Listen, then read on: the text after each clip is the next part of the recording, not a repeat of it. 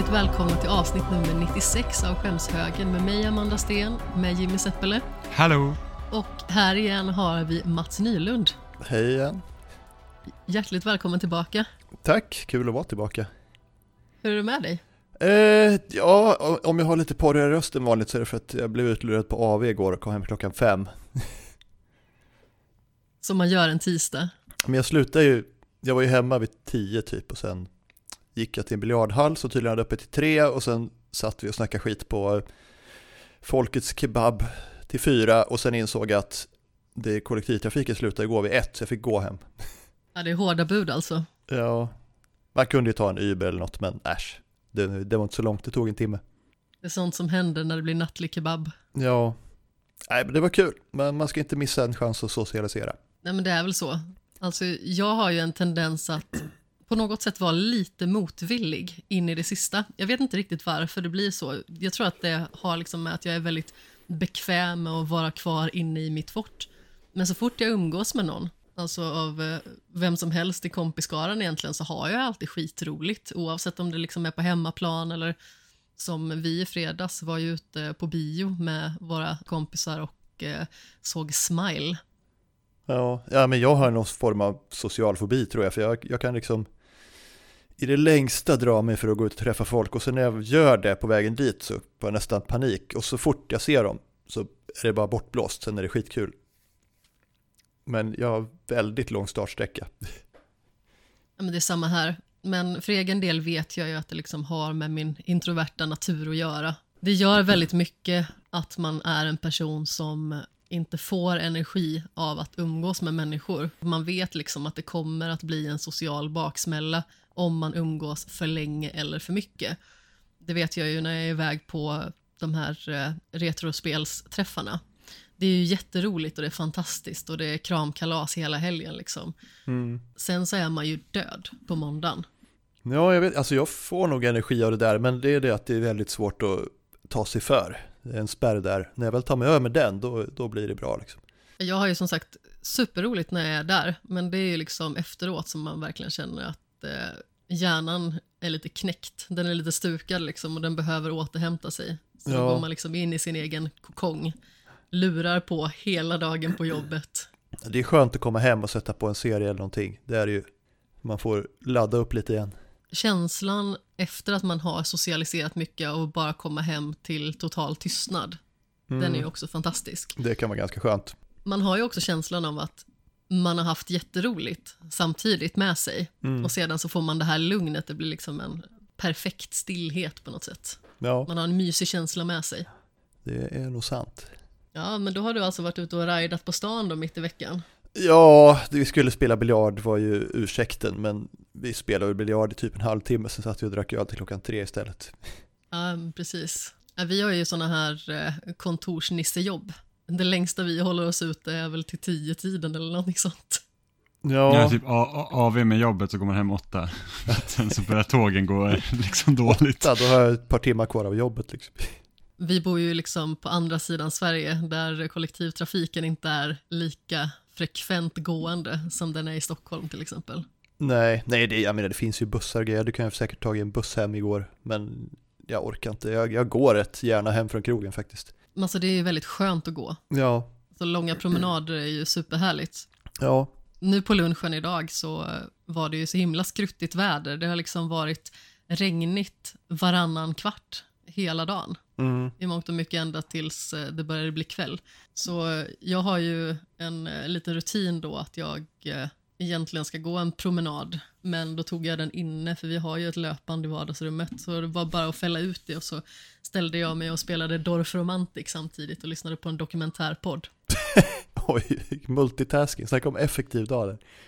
Ja, men eller hur. Eh, det är ju lite vingligt sådär att stå på löpbandet och spela samtidigt, men vissa spel funkar ju jättebra. Alltså typ Grindstone eller strategispel och sånt funkar kanon. Och det här Dorf Romantic är ju liksom ett strategiskt pusselspel skulle man kunna säga, där man placerar ut hexagonrutor Mm. eh, och får poäng liksom genom att matcha olika träd och byggnader, järnvägar, vattendrag och dylikt. Så det är ju ganska så meditativt och lugnt och det påverkar inte så himla mycket. Försökte spela Fall Guys en gång när jag stod på bandet. När jag svängde till höger på stickan, då började det också gå åt höger, så jag höll på att trilla av. Ja, det är svårt nog att spela när man sitter still. Ja, så svårt är det ju inte. Det är ju Ja, det, jätteroligt. det kanske bara jag som är dålig på det, men det är så här, men det är ju ett sånt spel som man kan ha kul med även om man är dålig. Ja, men faktiskt. Alltså jag blir ju förbannad om jag åker ut. Ja. Men jag har fortfarande roligt. Ja, jag bryr mig inte så mycket om jag åker ut. Det, är liksom det känns som att det är oundvikligt. Sen så blir jag ju förbannad på alla som eh, tar tag i en också. Ja, jo, men det är kul. Jag vet inte hur många timmar vi har spelat Fall Guys nu, men det är ju många. Ja. Du har säkert spelat typ dubbelt så mycket som jag gjort. Hur mycket har du spelat då? Jag tror jag har spelat på PS4 så kom jag väl upp i en 150 timmar kanske och sen så på Xbox har jag spelat i 30. Ah, Okej. Ja, det är väl faktiskt typ dubbelt så mycket då. Jag tror att jag är uppe i 350-360 timmar Mm. kanske. Men som sagt, jag gillar verkligen Fall Guys. ja, uppenbarligen. Men Fall Guys är jätteroligt, det är bara att jag vill spela andra spel också. Jo, jag vet. Alltså jag vill ju spela andra spel också. Det är ju bara det att jag eh, har ju framförallt senaste året haft ovanligt många perioder där jag liksom känner mig som att jag är liksom i en speldvala. Jag orkar liksom inte anstränga mig eller ta del av en berättelse eller sådär. Så när det har kommit sådana spel som typ Two Point Campus eller Dorf Romantic, då har det varit så himla skönt för att då har man liksom bara kunnat plöja på och mysspela Mm. under väldigt långa sessioner utan att behöva anstränga hjärnan allt för mycket. Ja, jag har ju Ubisoft formelspel till det. Ja, ja men exakt. Och det kommer vi faktiskt komma till eh, lite senare. Ja. Så vi eh, suger på den karamellen en liten stund till. Eh, idag så är det ju skräcktema. Nu är det ju oktober igen och det är ju faktiskt tredje året i rad som vi har det här skräcktemat. Mm. Det är ju ingen ovanlighet naturligtvis att eh, ha lite skräcktober sådär, men det är väldigt roligt för att eh, det är också tredje året i rad som vi fokuserar på Mike Flanagan-serier. Ja, Så det kommer vi också att eh, återkomma till lite senare. Men jag tänker att vi börjar med avsnittets diskussionsfråga. Och då är det, vad är den sämsta klichén inom skräckgenren? Jag tycker att vi börjar med dig Mats. Ehm, ja, jag har skrivit jump scares här på min lilla lapp. Har du en fysisk lapp med dig? Eh, ja, det är baksidan av ett kuvert. Det låter som någonting som Jimmy skulle kunna göra också. Första bästa papperslappen. Ja, Jajamän. men det här klassiska liksom, hjälten, eller hjältinnan, det är väl oftast en hjältinna, eh, och det kan jag återkomma till, eh, går liksom bort från kameran in i en mörk korridor och en skugga springer förbi precis framför kameran bara Wah! Sådana grejer. Antingen det, eller att det typ är så här, man står vid kylskåpet och sedan så förväntar man sig att det ska komma någonting där bakom. Eller man stänger badrumsskåpet och Ja. sedan så är det någon i badrumsspegeln. Ja, det, är, det är det värsta. Alltså, eller det typ så här- står någon bakom dörren när de stänger den liksom, som, som då syns. Ja, men det här med spegel tycker jag, det är typ det obehagligaste. Ja, Jag ska faktiskt erkänna en grej och det är att när jag går upp mitt i natten så är jag ett så stort barn så att när jag ska gå in i badrummet då sticker jag in handen först och tänder innan jag eh, går in i badrummet. ja, det där har jag faktiskt vuxit ifrån, det, det kommer jag också återkomma, men jag var mörkrädd, men nu är liksom, nu kan jag i princip gå runt i lägenheten med ljuset släckt, det är inte så noga. Jag skulle inte säga att jag är mörkrädd på det sättet. Det som det gör när det är mörkt, det är liksom att andra fegheter kommer fram. Ja, Eh, precis som jag nämnt innan med mörka skepnader och sådär. Sover jag hemma själv, då är det ju tänt i nästan hela lägenheten. Bara för att jag inte ska kunna inbilla mig skuggor någonstans. det blir dyrt nu. Vi har ju faktiskt så pass bra så att vi har ju en ganska så billig lägenhet där el ingår. Får vi Aha, se hur det blir liksom nästa år, om de kommer att höja hyran eller någonting sånt. Men vi har ju faktiskt lite tur på det sättet att eh, vi behöver ju inte betala liksom specifika elräkningar varje månad. Nej, Det sjukaste var att när du berättar för mig att du tänder lampan när du går in på toa, sen har jag också blivit så var, varje gång jag ska gå upp på toa på natten nu så blir jag jättenojig. Och jag är och jag brukar inte bry mig. Alltså, det är verkligen, jag tror inte att jag funderar på, alltså det är flera år sedan jag funderade sist på att åh, nu är jag uppe själv och det är mörkt och jag ska gå in på toa och så kommer det vara en spegel så fort man tittar in. Men nu har det varit så här, ända sedan vi såg Smile i fredags, vilket inte var egentligen så läskigt. Men då berättade du för mig på kvällen att ja, men jag tänder, jag tänder liksom toan innan jag går in. Och jag är här bara, ja, ja, ja visst det får väl du göra, jag bryr mig liksom inte. Och så var jag uppe på natten och så bara, fan, nu ska jag in på toan och det är mörkt. Bara tänder jag lampan utan att titta in. Sen sitter jag på toan skitlänge också, jag tror jag sitter säkert nästan 20 minuter, så mina ben domnar bort. Så går jag och dricker, jag går till kylskåpet, tar fram min eh, colaflaska och så dricker jag ett glas och då får man liksom säga att nu har mina ben somnat, så jag kan inte röra mig någonstans och det är mörkt. Och då börjar jag tänka på Smile och vara såhär, åh, gud vad jobbigt det blev nu. Var du rädd att Ja. valpen skulle komma in i köket med det där leendet? Nej, men jag tänkte på hon den första kvinnan som man får se le så himla creepy. Alltså det är liksom typ där stannade det. Har du sett Smile Mats? Nej, den senaste skräckfilmen jag såg var Nope och det var ju, det visade sig vara inte så mycket skräck. Den var bra, men det var ingen klassisk skräckfilm liksom. Det var mer sci-fi-rulle faktiskt. Ja, lite så. Det absolut bästa i hela den filmen, det är ju den här motorcyklisten som åker svinfort och helt plötsligt träffar han det här fältet så att han bara flyger iväg. Ja. Jag vet inte Alltså, riktigt vad han gjorde i himla högt. filmen, men det var, ja. Nej men jag tyckte bara den var så himla fin, alltså det var, det spelade egentligen inte så stor roll att det inte var så mycket handling, för den var så snygg liksom.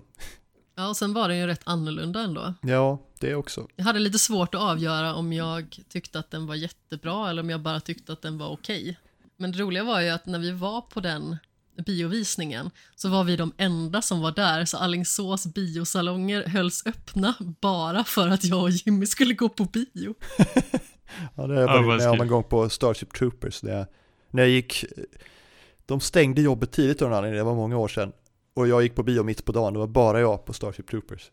Ja, fast sånt är rätt så härligt ändå. Ja. Innan när jag jobbade i centrala Göteborg och eh, hade liksom ett väldigt flytande schema och liksom kunde lägga mina timmar ganska mycket som jag ville och ta liksom ett eh, avbrott på kanske tre timmar mitt på dagen för att sedan jobba vidare och liksom fullfölja dagen på eftermiddagen. Då kunde jag ju ta liksom en biovisning mitt på dagen också. Mm. Då var det flera gånger som man var själv, eller det var väldigt få. När jag såg Knights of Cups, då var det jag och en till. Och naturligtvis så vänder den personen sig om när filmen är slut och ska börja prata med mig och jag är ju jätteobekväm med sånt där. Ja, Jag tycker inte det är kul att prata med människor som jag aldrig har pratat med tidigare eller som jag liksom inte känner att jag har någon koppling till överhuvudtaget.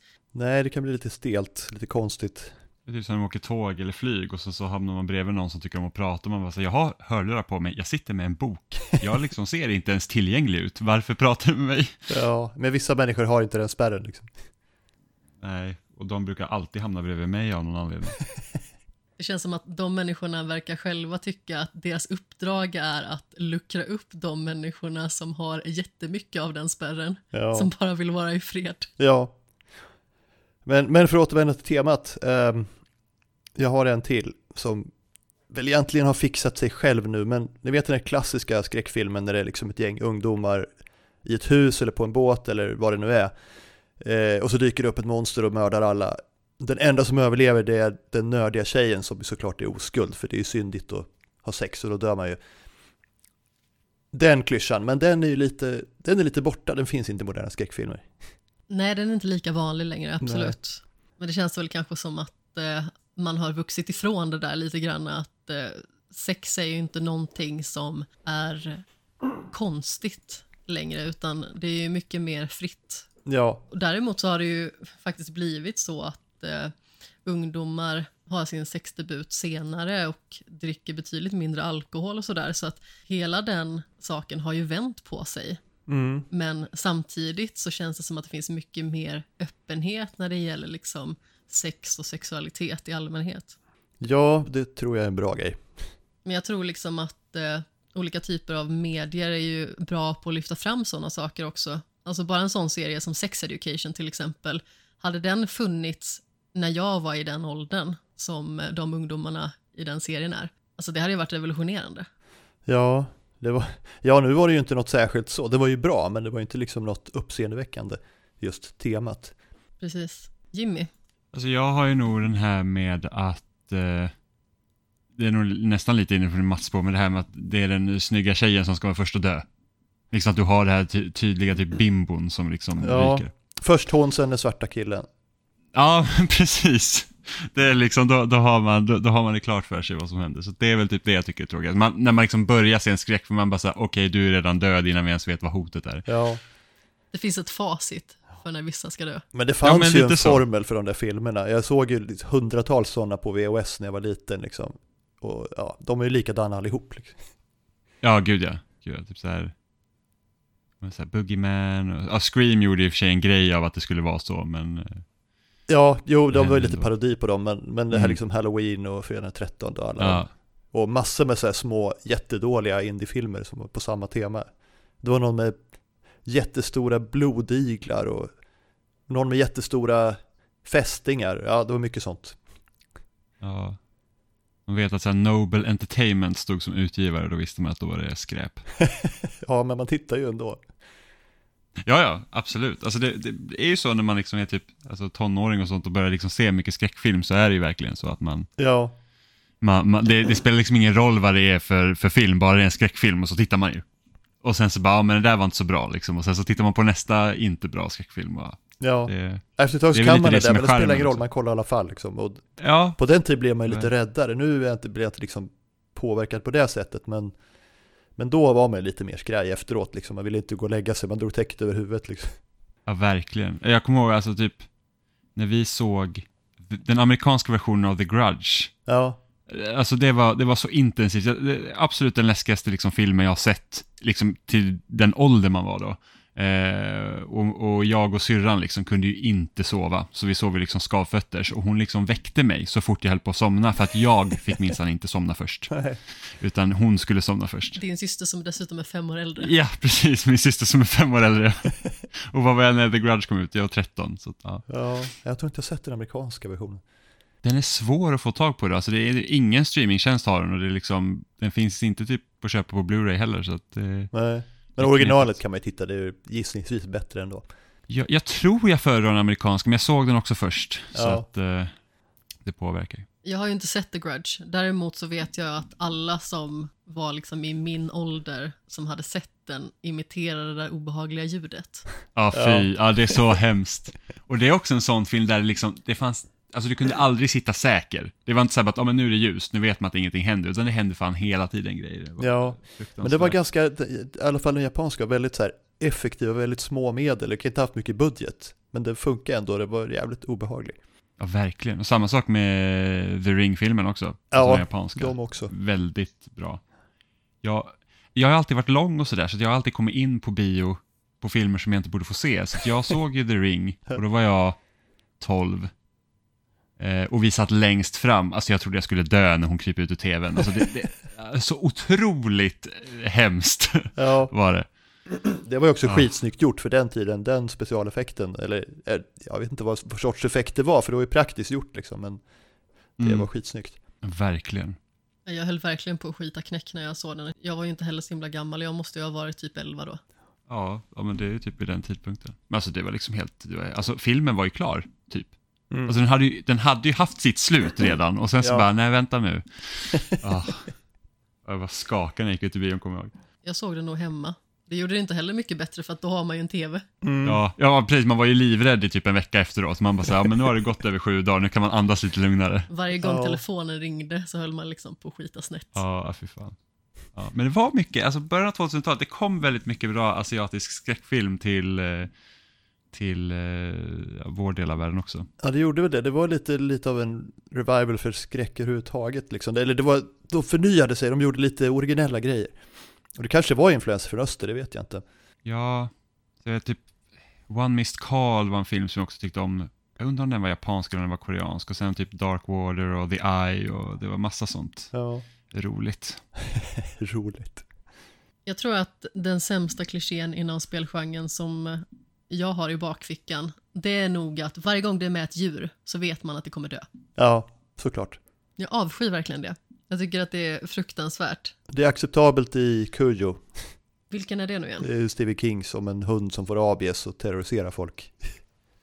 Ah, Där är okej med att han dör. den har jag faktiskt inte sett. Jag tror de gjorde en spoof på det typ i Arkivex också med någon hund som dödar folk. Ja, det gjorde de säkert. De gjorde så jäkla mycket bra i- i X-Files. Det var... De hade verkligen fingret på pulsen kan man säga. Ja, Och de hade sjukt obehagliga grejer också. Det avsnittet när det kommer upp en grej ur toan och griper tag i folk. ah, fy fan. Åh, toalettbesöken blev jobbiga efter det. Min moster har alltid haft eh, en, eh, ganska stark rädsla för hajar, men hon fascineras också av dem.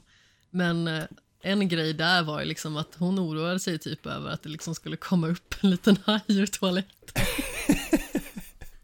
ganska så roligt. Ja, Hon älskade ändå liksom hajar och tyckte att de var superspännande och hade liksom så här hajdraperi. Hon hade en jättestor affisch med JAS på. mm. annars en rätt bra fobi att ha, för det är, hajar är ju inte så svåra att undvika om man verkligen vill. Nej, nej men exakt. Det är inte så att de syns till så jätteofta, inte här i alla Man fall. stöter inte på dem i vardagen. Nej, det är inte precis som att man ser dem när man går till jobbet. Ja, Jag gillar ändå att hon gick helt in för sig. If you can't fight them, join them. Ja. liksom hajar överallt. Du kanske borde skaffa lite så här spindeltröjor och grejer. nej, fy, nej, absolut inte. spindeltröjor. Får ju skaffa aldrig. hoppspindlar, de är jättegulliga. Nej, f- det finns ingenting som är gulligt med spindlar. Jo, googla hoppspindlar, de är gulliga. Nej, jag kommer inte kunna sova. Fantastiskt roligt är det också att det låg jättelänge en ganska så stor död spindel i garaget och Jimmy blev rädd för den även att den var platt. Ja, ja, men alltså det så, när jag skulle gå över den så bara, jag kände bara en rysning när jag ser ryggraden. Så äckligt. Men de har ingen ryggrad. Eller ja, din ryggrad. Ja, min ryggrad, precis. Hade jag känt spindelns rysning, då hade jag varit ännu räddare. Ja, Eller lite nöjd för att du hade blivit Spiderman. ja faktiskt. Nej. Alltså det är rätt fascinerande att Spiderman är min liksom favorithjälte. Mm. Och jag verkligen avskyr spindlar och alltid gjort. Face your fears liksom. Ja, men lite så. Det är lite som hajtanten. Ja. Hajtanten, Ja, min moster. ja. ja. Hon får vara hajtanten. Jag ska säga till henne att du sa det här. Nej, det får du inte göra. Nej, det kommer jag faktiskt inte göra. Vi pratar inte med varandra så jätteofta, så jag kommer förmodligen ha glömt det tills dess. Tur. Men det börjar bli dags att gå in på avsnittets ämnen, tänker jag. Mm. Om inte ni har något mer att tillägga om eh, klichéer och eh, troper. Troper är väl ett bättre ord egentligen. ja, det är de väl. Fast det är ju klichéer. Men klichéer är ju klichéer för att de funkar, så att de kommer ju inte att dö ut liksom. Förmodligen är det väl så. Nästa gång man ser en katt i en eh, skräckfilm så vet man liksom att den ligger brun till. Men, men Alien, katten dog inte i Alien. Eller? Just det. Hon tog ju med Nej, sig den den sen. Nu spoilar jag Alien för alla, för alla som inte har sett en 30 år gammal film, men Jag såg den faktiskt oväntat sent. ja. Jag med. Jag såg Alien inför Alien Isolation. Oj. Men det är ju en av de bästa sci-fi-filmer och skräckfilmer som har gjorts. Den är superbra verkligen. Ja.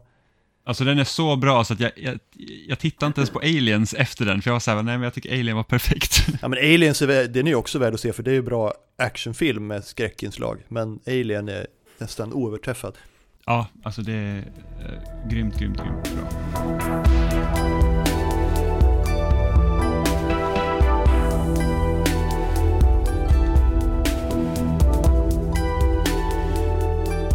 Jag tänkte faktiskt prata lite om bok som jag har läst, eller rättare sagt lyssnat på. Läst med öronen. Ja. Jag har nämligen tagit mig an Jack Werners Creepypasta, spökhistorier från internet. Det här är en bok som egentligen inleds med känslan av att sitta på ett loft och berätta spökhistorier, typ på ett ridläger. Och sedan övergår det på något sätt till en historielektion i internetskräckisar.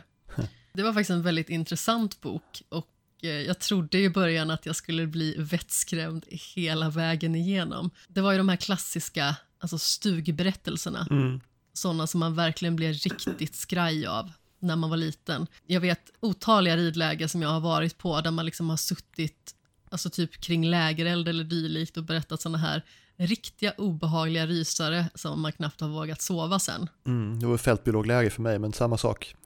Exakt. Ska säga någonting som gjorde det lite extra läskigt också. Och det var när jag precis hade börjat lyssna på den här.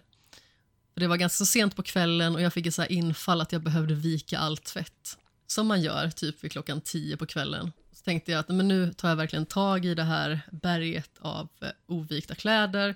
Tänkte att men jag ska försöka fixa i ordning min garderob också. Strukturera om lite. Göra det lite snofsigt och få det att se bra ut. Står och viker en massa kläder och helt plötsligt så faller en klädhög ner på ryggen på mig Oh, medan jag lyssnar på den här. ja. Alltså jag höll ju på att skrika rakt ut. Jag blev så rädd, men det var liksom, jag blev så rädd så att jag inte kunde skrika. Men det var ju liksom det läskiga i tajmingen där, att det kom ju precis i en skräckhistoria, en sån här som jag framförallt blir väldigt rädd av, liksom när det är någonting mystiskt som typ lurar i skuggorna och hemsöker om natten. Knarrande loftdörrar och sådana saker. Alltså jag är ju superrädd när det gäller sånt. Och så fick du en IRL jump scare. Ja, men alltså verkligen. Jag visste ju nästan inte vad jag skulle ta mig till. Som tur var så var det liksom bara lite t-shirt som landade på mig. Så det var inget läskigare än så. Men eh, det var på sätt och vis väldigt taskig timing eller väldigt effektiv timing om man så vill, ifall man gillar att bli rädd. Så nästa gång så såg jag till att eh, det här lilla tornet av kläder var lite mer eh, stabilt från första början. Är det liksom en, eh, vad ska man säga, dokumentär han tar upp så här grejer som blivit memes på internet som Slenderman och sånt eller? Exakt. Ja. Det är precis vad det handlar om. Både det och olika fenomen i Minecraft till exempel, på olika forum där det liksom har florerat läskiga bilder som på något vis ska hemsöka folk. Jag tyckte att det var en väldigt intressant bok för att eh, det visar ju verkligen att internet har ett så alldeles eget liv. Mm. Och det går liksom att ta olika berättelser och evolvera dem om och om igen och bara ändra små detaljer och göra dem till sina egna. Och just Slenderman tycker jag ju är väldigt fascinerande och otroligt obehagligt. Det var ganska dåligt spel. Ja, det var inte jättebra. Även att det var ganska läskigt, det här eh, The Eight Pages eller vad den heter. Ja. Jag tycker det är fascinerande för att de har ju gått så himla långt med den myten. Liksom som att den skulle ha existerat hur länge som helst tillbaka i tiden. ja, fast den uppfanns på Something Awfuls forum för typ 20 år sedan eller något. Nej men precis. Och sånt som liksom har hänt efter att den myten skapades. Som de här eh, unga flickorna som eh, skulle döda sin kompis på grund av att eh, Slenderman skulle ha sagt det till dem. Mm. Det är såna grejer som är helt bizarra och det finns ju flera såna här varianter liksom av myter från internet där det liksom övergår i verkligheten på något sätt. Ja. ja, det låter lite fascinerande. Det var en spännande historielektion och eh, jag uppskattade liksom att lära mig mer om de här berättelserna och fenomenen. Men Mats, Ja, du har ju spelat något som låter mer spökligt än vad det egentligen är. Har ja du kanske påbörjat ett pluffsamlarspel igen? jag har ju gjort det. Eh, alltså jag trodde ju i flera år att Ghost of Tsushima, eller Ghost of Tsushima ska det väl vara. Eh, jag trodde i flera år att det var någon form av Souls-alike. Eh, men det är det ju inte. Det är ju ett klassiskt pluppsamlarspel. Det är Ubisoft-formeln rakt av liksom. Eh, man går runt på en stor karta, samlar pluppar och gör eh, olika quests, antingen story-relaterade eller bara lösryckta liksom. Men, men det, det, det som är annorlunda med det är väl att det har lite japansk smak liksom. Det utspelar sig på en liten ö utanför Japan. Jag vet inte om någon av er har spelat det? Jag har spelat det. Ja. För det är, alltså det är ju, om, har, om man har spelat ett Ubisoft-spel, det vill säga Assassin's Creed, Far Cry, något av dem, då vet man ju hur det funkar. Du går runt på kartan, du hittar fiendeläger, du rensar dem genom att smyga eller genom att slåss. Eh, och sen fortsätter du och sen får du XP och så kan du uppgradera din skills. Och så håller du på sådär tills du har samlat alla pluppar på hela kartan, eller spelat klart storyn, vilket som kommer först liksom. Och i det här fallet är det väl typ så här, följ efter 70 stycken rävar. Det är mycket rävar. Det, det är ett... Eh, det är en, ett av de designbeslut som jag gillar mest med det här spelet är att allting är väldigt organiskt inbyggt i spelvärlden. Det, det finns liksom inte så mycket... Det, det finns ju någon form av HUD, men den försvinner nästan för det mesta utan när man slåss då. Och det, de här rävarna är ju till exempel ett sätt att hitta grej, eh, uppgraderingar. Man hittar ett träd där det är ett rävgryt och så följer man räven och räven går till ett altare och sen bugar det för altaret och så får den en liten plupp. Eh, och det är mycket sådana grejer. Det finns eh, vad heter det, heta källor man kan bada i för att höja sin hälsa. Och de hittar det genom att leta efter liksom, pelare av ånga vid horisonten och gå dit. Liksom. Och det är väldigt mycket sånt. Du följer efter personer istället för att följa efter en eh, plupp på kartan. Liksom. Det finns liksom ingen minimap. Det finns ingen kompass, liksom. ingenting. Det är minimalt med, med konstgjorda element. Det är du och världen på något sätt. Det gillar jag. Jag tycker det är jättemysigt.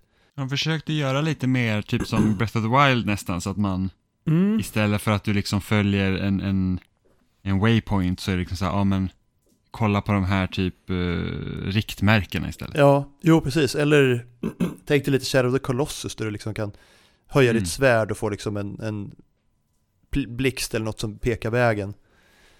Lite så är det. Och du har ju, när du ska någonstans och, och väljer en punkt på kartan, då får du ju, visar ju vinden vägen. Det tycker jag också är jäkligt snyggt gjort. Du kan, jag spelar på PS4, du kan ju swipa på touchpadden för att få vinden att ta i lite så du ser den ordentligt. Men även om du inte gör det så ser du hela tiden lite svagt åt vilket håll vinden blåser så att du kan följa den till ditt mål. Utan att behöva följa någon pil på kartan. Ja, det, är, det är snyggt, det är intuitivt och man vänjer sig ganska fort vid det där. Eh, och det är väldigt vackert också. Det är lite lo-fi, det, det, det är lite fotorealistiskt men det är väldigt vackert spel ibland. Särskilt när liksom solen går upp eller ner och man man utkämpar en duell i silhuett mot solnedgången. Liksom det är skitsnyggt och väldigt stämningsfullt.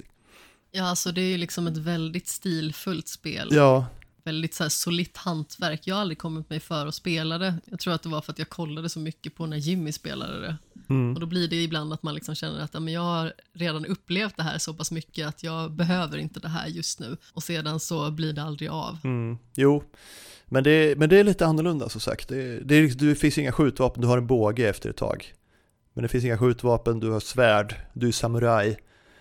Eh, och stor del av spelets berättelse handlar ju om lite hur eh, huvudpersonen Jin då typ försöker upprätthålla sina samurajideal men tvingas eh, smyga och lönnmörda folk för att han, han kämpar mot mongolerna som har invaderat ön.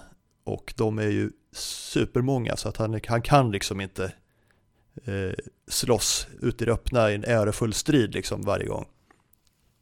Så det, det är liksom en del av konflikten att han dels slåss han mot mongolerna men dels slåss han också mot sin egen natur som samuraj liksom och försöka eh, ge fienden en ärlig chans typ. Minns jag fel eller är det lite av en hämndhistoria också? Jo, det är det ju. Det, mongolerna har ju dödat alla han känner, hela hans klan, utom en person som han räddar då. Eh, så han samlar ju ihop, han bygger ihop någon slags familj av misfits som han hittar längs vägen, som hjälper honom att, att klara av, ja, och, och spöa mongolerna. Eh, och det, det handlar ju lite om hämnd, det gör det. En, en, de har ju sina egna story också, alla karaktärer man träffar på, och en av dem handlar väldigt, väldigt mycket om hämnd. Det, det är lite sådana vibbar där. är. Jag vill minnas att sidokaraktärerna var väldigt bra Ja, i spelet. de är riktigt bra. Det är, och just det här att det man ska tydligen spela på engelska om man inte har det på PS5, för på PS5 kan man eh, PS5-versionen kan man tydligen välja japansk tal med engelska, engelsk textning. Men gör man det på PS4-versionen så eh, ser det väldigt konstigt ut eftersom läppsynken är för engelska.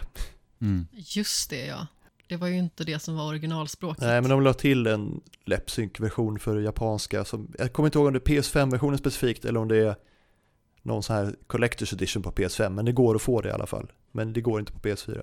Ja, det kom ju någon form av, visst var det Directors Cut, Jimmy? Ja, Ja. med Icky Det är nog den jag tänker på. Ja, icke jag har inte spelat än. Ja, men den ingick ju för jag köpte det på någon slags rea med Mm. paket.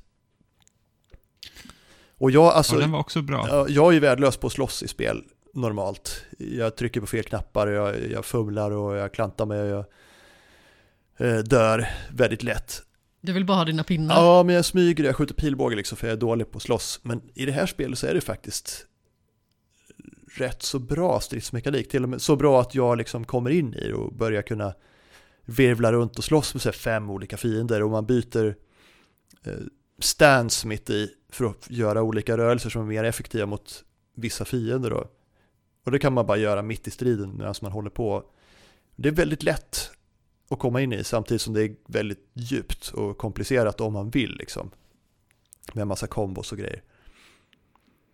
Så jag, det är ett av de bästa spel jag spelat i den här pluppsamlargenren skulle jag nog säga. Just för att det är lite, lite annorlunda, liksom, lite annat tempo, lite annan eh, atmosfär.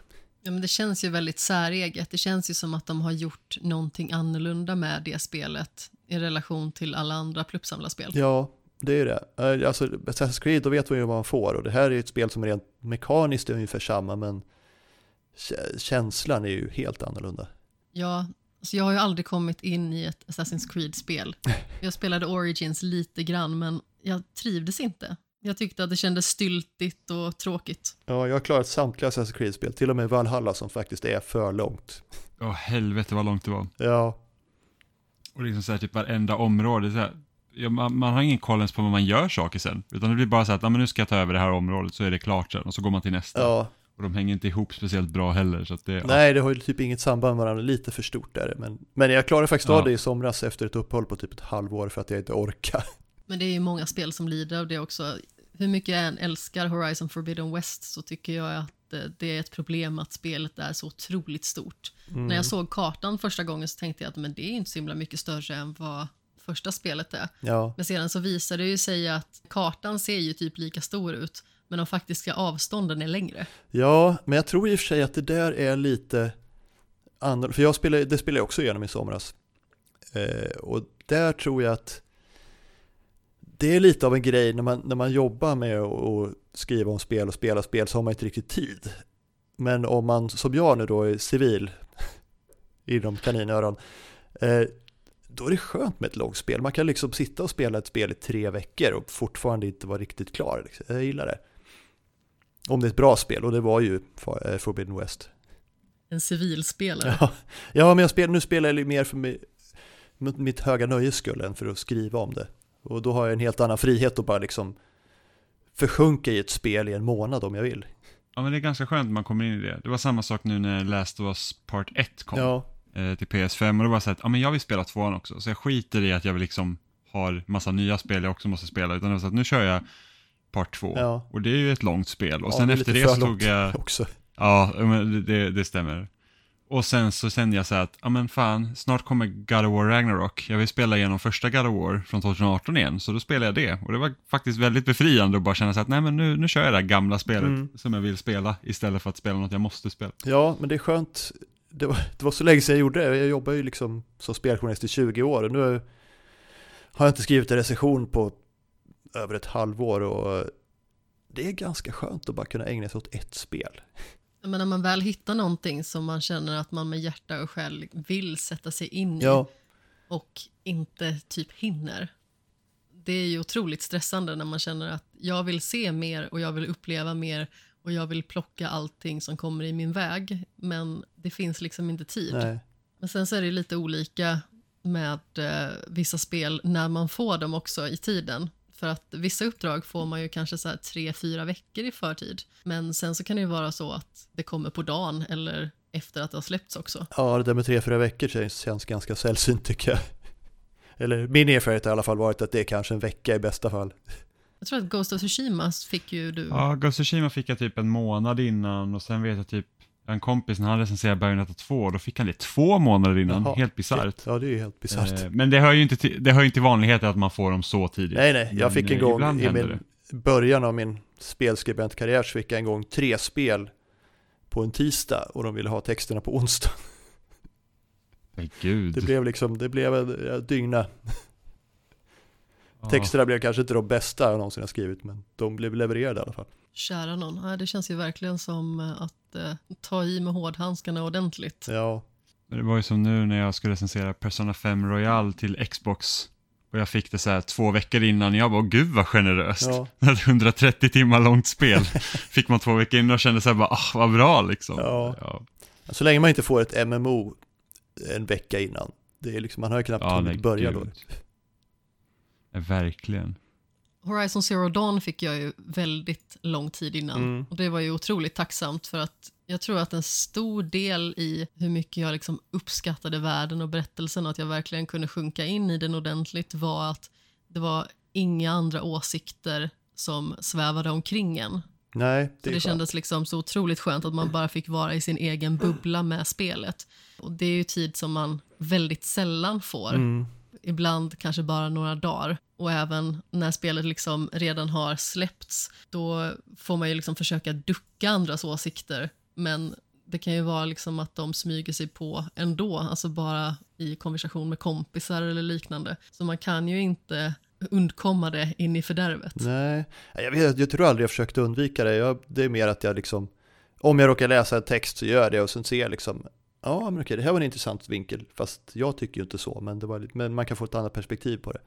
Det enda jag liksom känner det är att jag inte vill råka ut för att eh, ha planterat en åsikt någon annanstans ifrån. Ja, Jag vill liksom känna att det är mina åsikter som jag kommer med.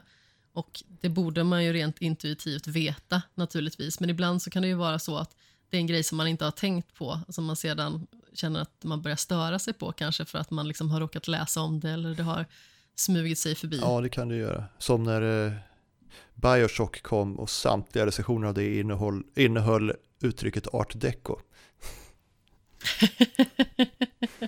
jag tror det stod i en pressrelease och sen var det lite kört, alla skrev det. Liksom. Men jag tror att de flesta spel har ju någon sån grej liksom som alltid kommer vara återkommande i recensioner oavsett om det är i text eller om det är i poddformat eller vad det nu kan vara, Ja. video för den delen. Ja, men det jag kanske inte har nämnt är att det här spelet är jättemysigt och riktigt bra. Så om man som jag gillar pluppsamlarspel så tycker jag att man ska ta och skaffa det här. Det var på rea för någon vecka sedan, jag vet inte om det fortfarande är det. Jag har för mig att Sony har någon form av eh, lite större rea nu. Ja, Det är bara att kika in i eh, affären och eh, shoppa på. ja, ja det, det kändes som lite en frisk fläkt i, i, ja vad ska man kalla det, man får kalla det för en undergenre kanske. Exakt. Jag passade faktiskt på att eh, se en film i eftermiddags som jag tänkte att jag skulle få med. Mm. Och jag såg eh, Hypnotic. Finns på Netflix ifall man skulle råka vilja se den efter min lilla beskrivning och eh, mitt utlåtande. Det är någon form av psykologisk skräckthriller, är väl tanken, med Kate Siegel i huvudrollen. Hon spelar en kvinna som bär med sig ett tungt trauma i bagaget. Hon hade nämligen en son som eh, blev dödfödd i sjätte månaden och eh, detta slet sönder liksom förhållandet med hennes ex-fästman. Vilket har resulterat i att eh, hon tycker att det är besvärligt att gå på sociala tillställningar. Hon är också mellan jobb och eh, känner väl att livet inte är så otroligt trevligt att leva just nu. Men sedan så kommer hon på en fest. Då är det hennes bästa kompis som rekommenderar henne att gå till sin egen terapeut, Dr. Colin Mead, för att börja återställa sitt liv och eh, ta itu med sina trauman och eh, besvär liksom, som hemsöker henne. Och eh, den här terapeuten spelas av eh, Jason O'Mara som eh, gör rösten till Bruce Wayne bland annat i Justice League och Batman-filmer. Exempelvis Ah, Hush. därför jag känner igen honom. Ja. Men hon börjar i alla fall någon form av behandling och känner liksom att det successivt blir bättre och bättre. Ett av de verktygen som han använder sig av är hypnos. Efter ett tag börjar däremot besynnerliga saker hända och eh, det får horribla effekter i hennes liv. Jag tycker att konceptet här är väldigt intressant liksom med själva hypnosen, även att det är liksom svårt att sätta sig in i hur det faktiskt fungerar när en människa styr en annan på det sättet. Det finns ju liksom så här psykologiska faktorer och sånt som man kan förstå sig på liksom när folk blir manipulerade och sådär. Men just när det gäller hypnos så är det ju väldigt specifikt. Det vill säga att en person kan säga någonting väldigt rätt fram som den andra ska göra och det liksom händer som att det sitter i ryggmärgen egentligen. Mm. Konceptuellt tyckte jag att det var spännande men jag vet inte riktigt om jag tyckte att eh, själva slutprodukten var lika spännande. Vill man se den och känner att man eh, är okej med att lägga en och en halv timme på en film som är okej, eller sådär kanske snarare, då kan man naturligtvis göra det. Jag tycker ju att eh, framförallt Kate Siegel är skitbra, precis som hon är i The Haunting of och eh, Midnight Mass till exempel. Hon är ju gift med Mike Flanagan, så hon är ju ofta med i hans filmer Mhm. Känns lite, och serier. ja, vad heter det? Svågerpolitik. Nepotism. Nepotism, ja. Ja, I slutändan kändes det som att det här var typ ett utdraget Criminal Minds-avsnitt och eh, mindre som de här skräckigaste Twin Peaks-sekvenserna som man minns så väl. Jag hade ju hoppats att det liksom skulle vara lite mer knarkigt och lite konstigare. Men det kändes liksom lite mer som att det blev halvtaskig serietriller på något sätt. Mm. Väldigt mycket en i mängden. Ja. Jag såg, jag såg faktiskt också film idag kom jag på, Pleasure, men det vet jag inte om jag kan Jaha. rekommendera. Eller ja, jo, ja. Det är på SVT Play, men det, det handlar om Den handlar om hur porrindustrin påverkar de som jobbar i den. Öppningsscenen är att huvudpersonen rakar skrevet i närbild. Och det är liksom Det är en väldigt jobbig film och väldigt bra. Det är väl det jag har att säga. Var det en skräckinjagande upplevelse? Ja, ja, mentalt var jag skräckinjagad. Ja, det, det kanske man inte hade väntat sig att se direkt ändå. Nej, men det är en svensk film. Är den svensk dessutom? Ja. Men det förklarar Alltså den utspelar sig i LA då. Men Ja. det var en sån här film som jag tänkt, jag har sett affischer för den och tänkt länge, den här borde jag se, den verkar, ja, den är förmodligen sjukt obehaglig psykologiskt liksom för att, ja, det, det är ju hemskt vad porrindustrin gör med folk, men eh, den var ungefär så hemsk som jag hade tänkt mig. Och jättebra, men jag kan nog inte rekommendera den till någon som, jag vet inte om jag kan rekommendera den till någon. Och de som tror att de kommer stå ut kan jag rekommendera den till. Ja, men jag tänker att vi tassar bort ifrån Ja, porrindustrin nog och bäst. eh, går in på barndomen istället. För vi ska ju prata lite om avsnittets lista. Jag tror att det här kanske blir lite upprepning, i alla fall för mig och eventuellt Jimmy.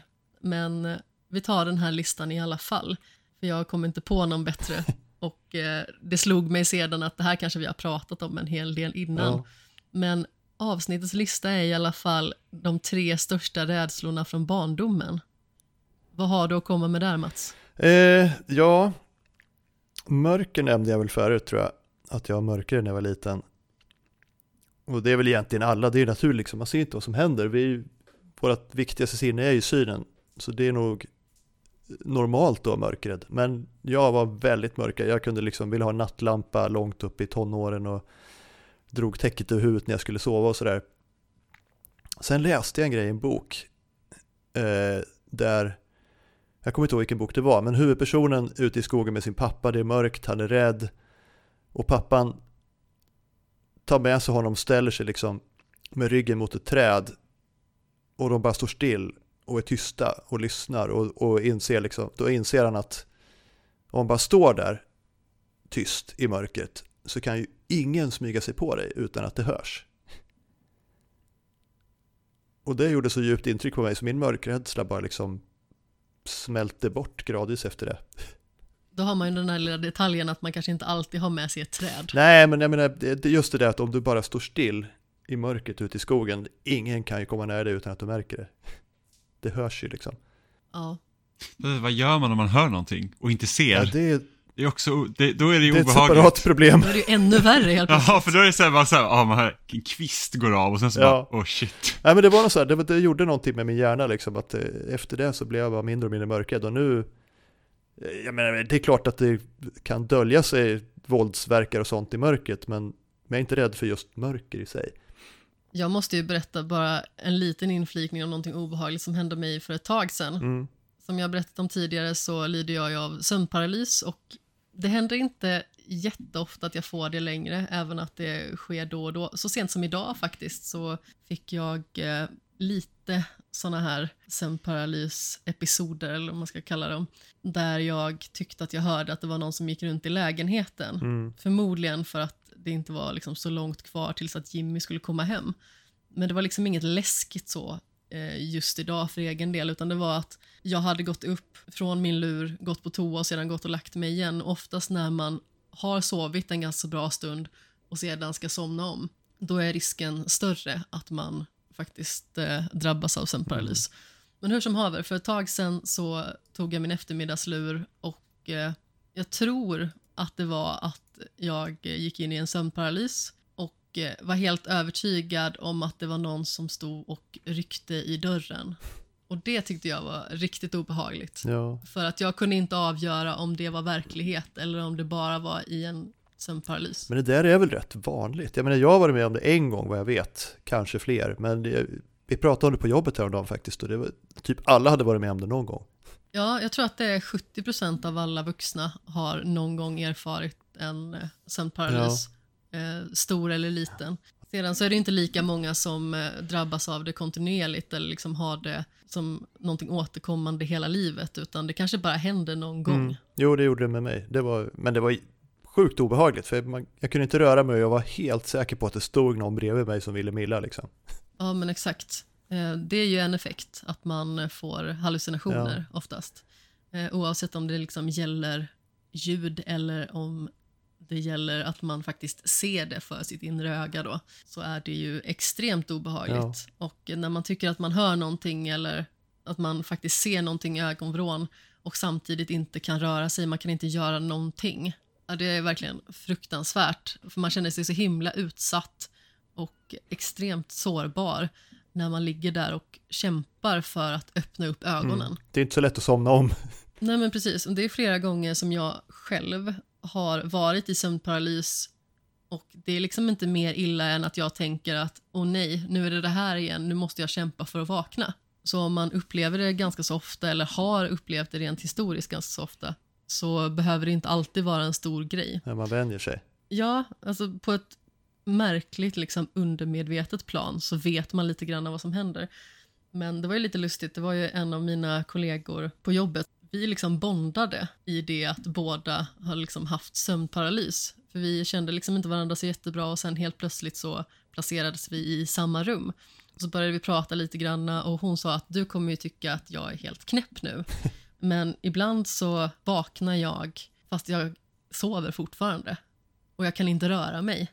Men jag tycker att eh, jag hör någon som står bakom mig Ja. och det känns liksom som en väldigt hotfull situation. Och jag bara, det där är sömnparalys, det har jag också. Ja, Härligt ändå när man liksom kan bonda med en sån grej.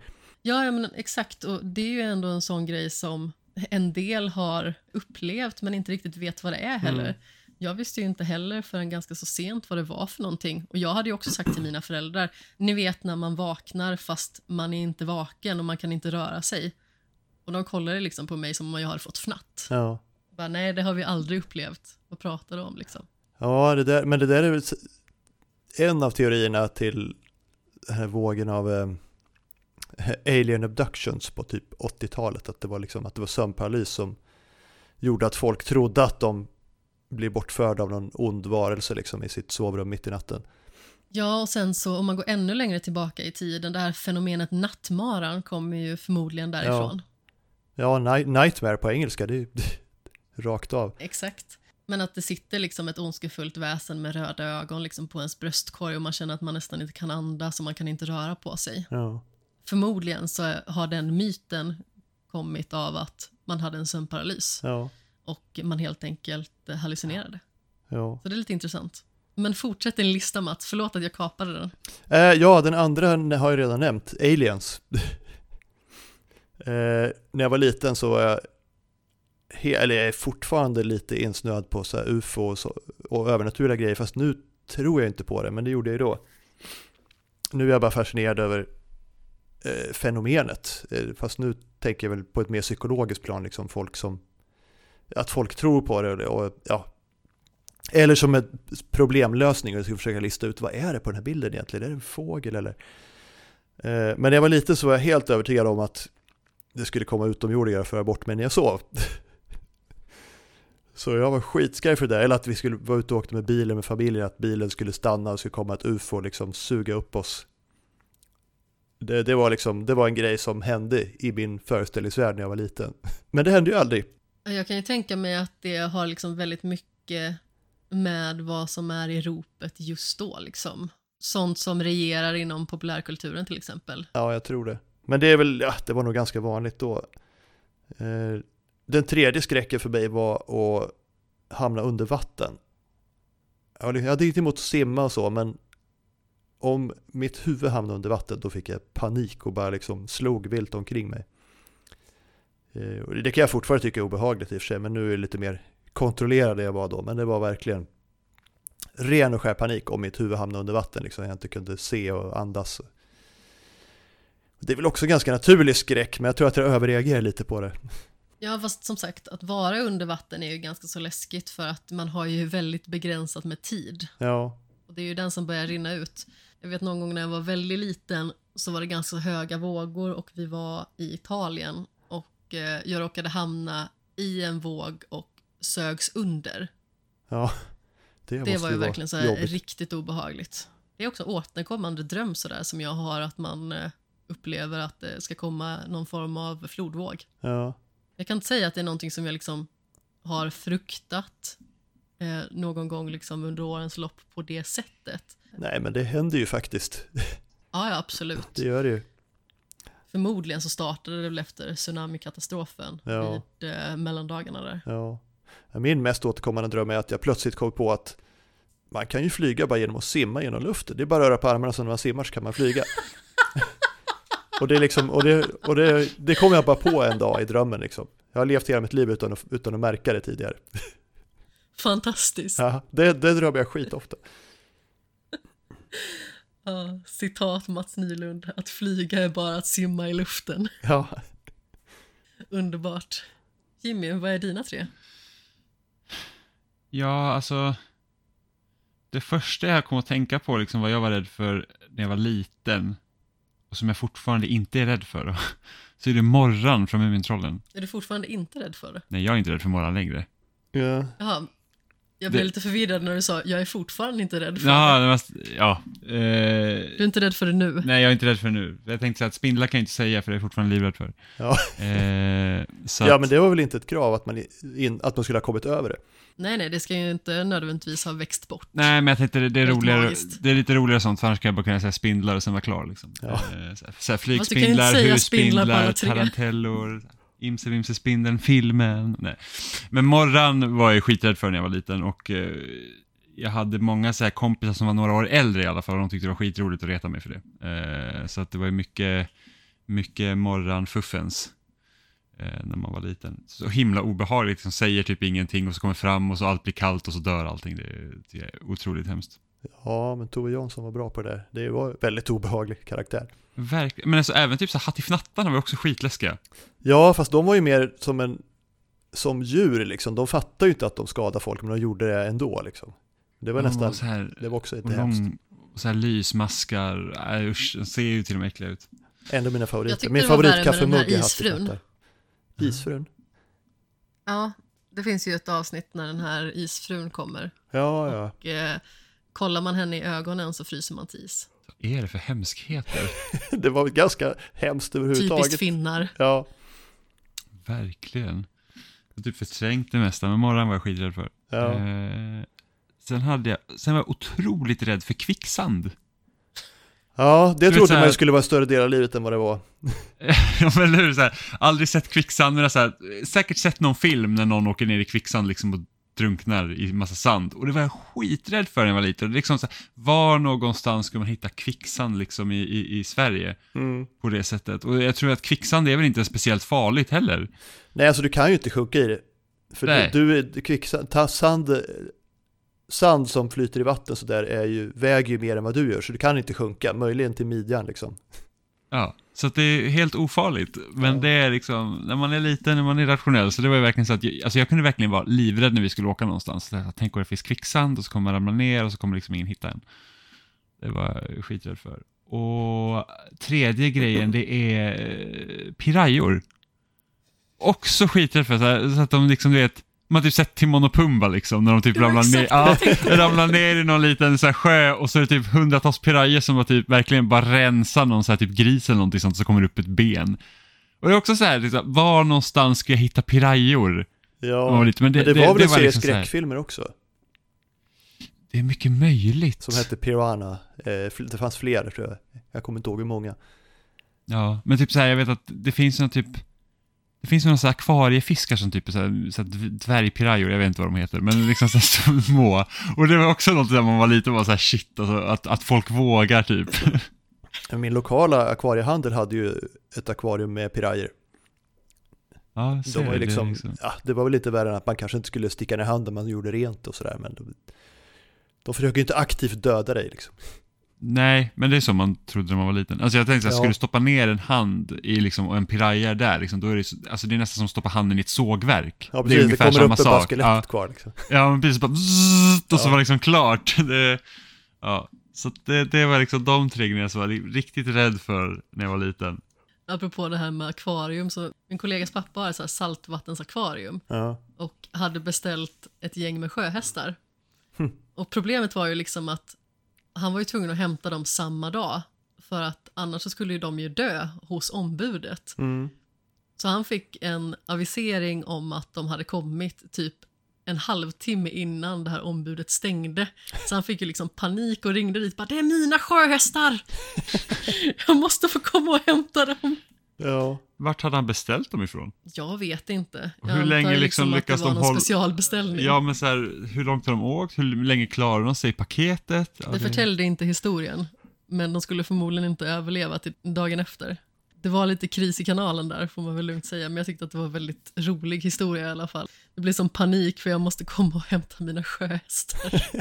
ja, det är lite, kanske det bästa samtalet de fick på den kiosken den dagen liksom. Ja men precis, tänk hur förvirrad liksom det ombudet måste vara sedan. Vad, vad är det som händer? Ja. Står vi här liksom med en paketerad sjöhästfamilj? ja. Men det, men det är kul det där med folk som ringer till butiker och sånt när de ska stänga. Det var ju ofta sånt om man stod i butik och så ringde någon. Så bara, när stänger ni? Så bara, ja men vi stänger åtta. Då bara, ja men jag är där tio över och så lägger de på. och man bara, ja alltså kul för dig att du är här tio över, då är det stängt. Och Folk har ju liksom inte riktigt grepp om tid. Nej. Eh, jag instruerar ju klasser på tisdagar. Bland annat, jag instruerar ju sju klasser i veckan.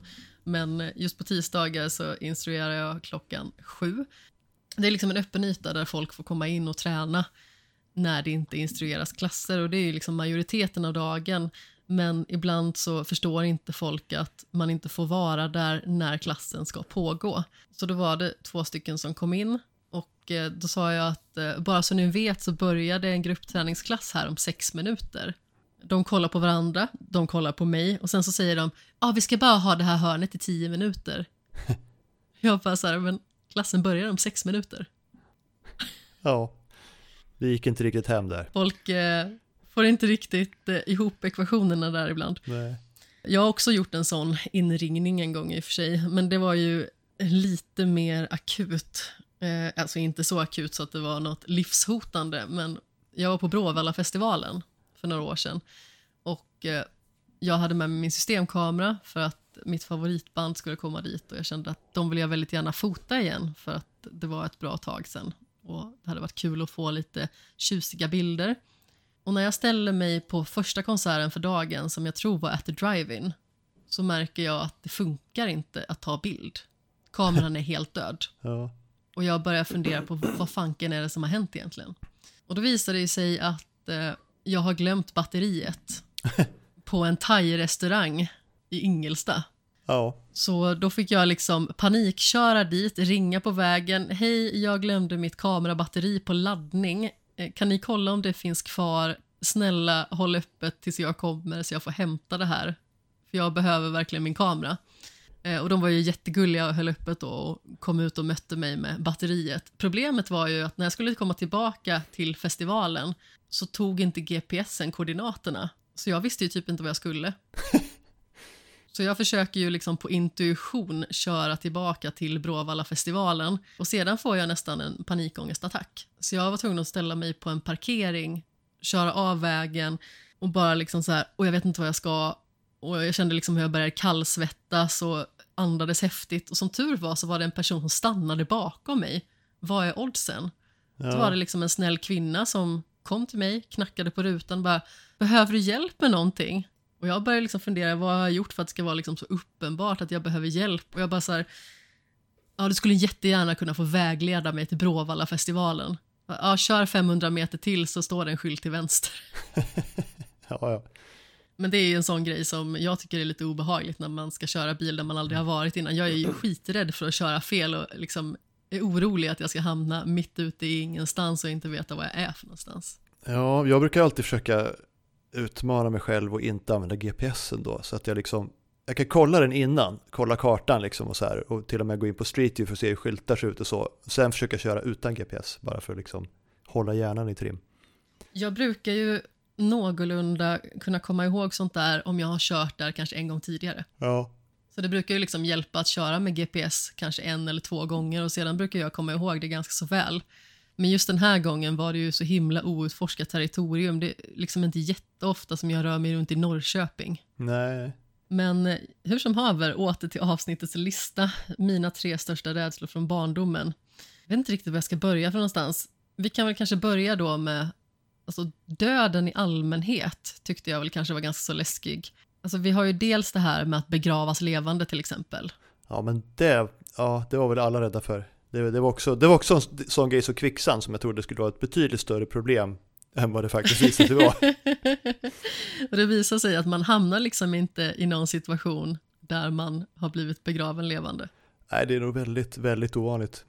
Det handlar väl kanske om så här klaustrofobiska tankar och sånt också, antar jag. Ja, men gillar man att läsa skräck, som jag gjorde när jag var liten, då läser man ju minst tio sådana historier. Liksom. Ja, men det hör ju liksom inte till ovanligheten. Nej. Kan man säga så? Nu gjorde jag det i alla fall. Det var en konstig mening. Skitsamma, men alltså även sådana här grejer som att eh, återuppväcka de döda. Alltså typ i Taran den magiska kitten eller typ Scooby-Doo och Zombieön. Nu var jag ganska så liten när jag såg de här.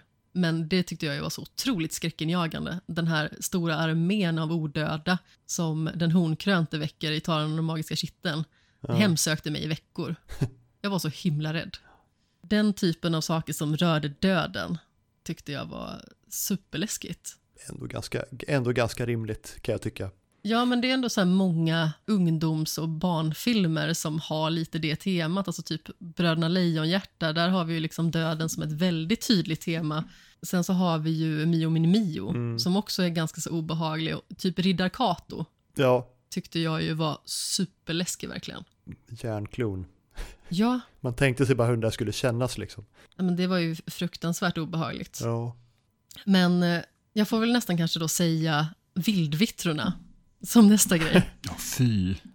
Kollar man på det idag så ser man att de är så otroligt yxfula. Ja. Och ser extremt orealistiska ut. Det är ju en supergammal film. Ronja Rövardotter. Ja, man köper inte effekterna längre men... Det var ju superobehagligt när man var liten. Ja, det var Varje gång man var ute i skogen så tänkte man att nu blir man anfallen och biten i nacken här liksom. Men så illa var det inte och eh, blodet behövde inte flyta eller vad de nu säger. Hade du problem med stora fåglar? Tror att du tänkte att det kanske var dem? Jag tror inte jag har haft problem med stora fåglar liksom på det sättet. Däremot gillar jag inte fåglar. Ja. Men jag tror liksom att det har mer att göra att de typ bajsar på en. Ja, jo. Hur många gånger har du blivit påbajsad av en fågel? Inte så jättemånga gånger, jag tror tre gånger. Kanske. Det var ändå fler än vad jag trodde. Ja, men det är nog ganska bra med. Jag skulle gissa på runt tre också. jag har aldrig blivit bajsad av en fågel. Men har du, no har du aldrig rört dig i typ turisthamnar och sånt? Nej, inte så mycket så faktiskt. Så att, eh, det blir mycket fågelbajs. Det är väl, Måsar som, som jag... försöker sno glassar från ungar och sådär. Ja. När vi var i Venedig i somras så var det en fågel som flög ner och eh, stal en stor macka ur handen på någon. Ja. Jag har haft måsar som har stulit eh, fisk från grillen liksom. Ja, alltså det här var ju en helt bizarr syn. Vi ja. var ju liksom mitt på ett stort torg och jag tror faktiskt att det var till och med skyltat om att ni inte borde äta här för att det kommer fåglar och de är liksom inte främmande för folk. Nej, de är ju inte dummare än att de vet vad maten är. Ja, men exakt. Så håll era glassar i styr och så vidare. Fåglar är ju rätt intelligenta för att vara djur liksom. Ja, som sagt, jag tycker att de är lite obehagliga också. Det finns ju någonting väldigt så ödesmättat i att det finns en stor skara fåglar som sitter och hukar någonstans. Ja, men det är ju lite en skräckfilmstrop också. Fåglar som liksom sitter någonstans och bara tittar eller som bara lyfter för att de blir skrämda av någonting. Ja, men absolut. Den biten har ju inte hjälpt fåglarnas rykte direkt. Nej, det har inte det. Men den värsta gången jag blev bajsad på Av en fågel då, pratar vi om. Ja, det hoppas jag i alla fall. Annars, annars... Av en fågel. Ja. Det var när jag skulle till skolan på morgonen och jag hade lite bråttom för att tåget var en smula sent. Så jag marscherade i superrask takt över Gustav Adolfs torg och jag ser fågelskiten liksom passera näsan och landa rakt på min sko. Ja. Det var inte bara du som hade bråttom med andra ord. Nej. Jag tror, jag tror alla gånger jag har varit med om det så har det hamnat i huvudet. Det är ju tråkigt alltså. Såklart. Ja, det är inte roligt. Nej, alltså jag tror jag har fått på ridhjälmen också någon gång. Ja, när jag var liten så var det skitmånga som köpte en keps från Hobbex tror jag det var. Som det stod förbannade måsar på som var så här fejkade fågelskit på den. Tyckte de var jätteroligt. Pappahumor. Klart de gjorde. Ja. Det låter som någonting som eh, alla de här eh, epatraktorkörarna skulle kunna ha på sig. Ja, det kanske, det kanske var för att jag växte upp på landet. Det kan ha varit därför.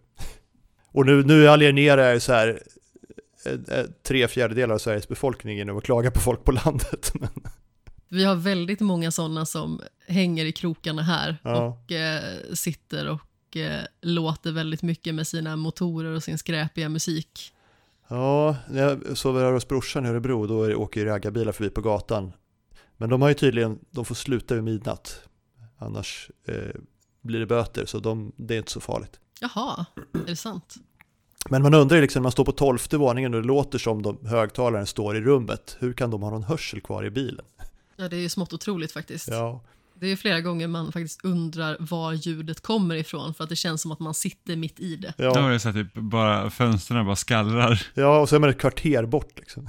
Ja, min sista rädsla är ganska så uppenbar och jag tycker faktiskt att du stal lite den av mig Jimmy, för det känns ju lite som, mer som mitt varumärke. Vadå, morgon? Ja, Jaha. jag är Ah. fortfarande rädd för morgon. Men alla var väl rädda för morgon. Ja, men samtidigt känner jag att jag har någon sån superirrationell rädsla fortfarande för morgon. Ja.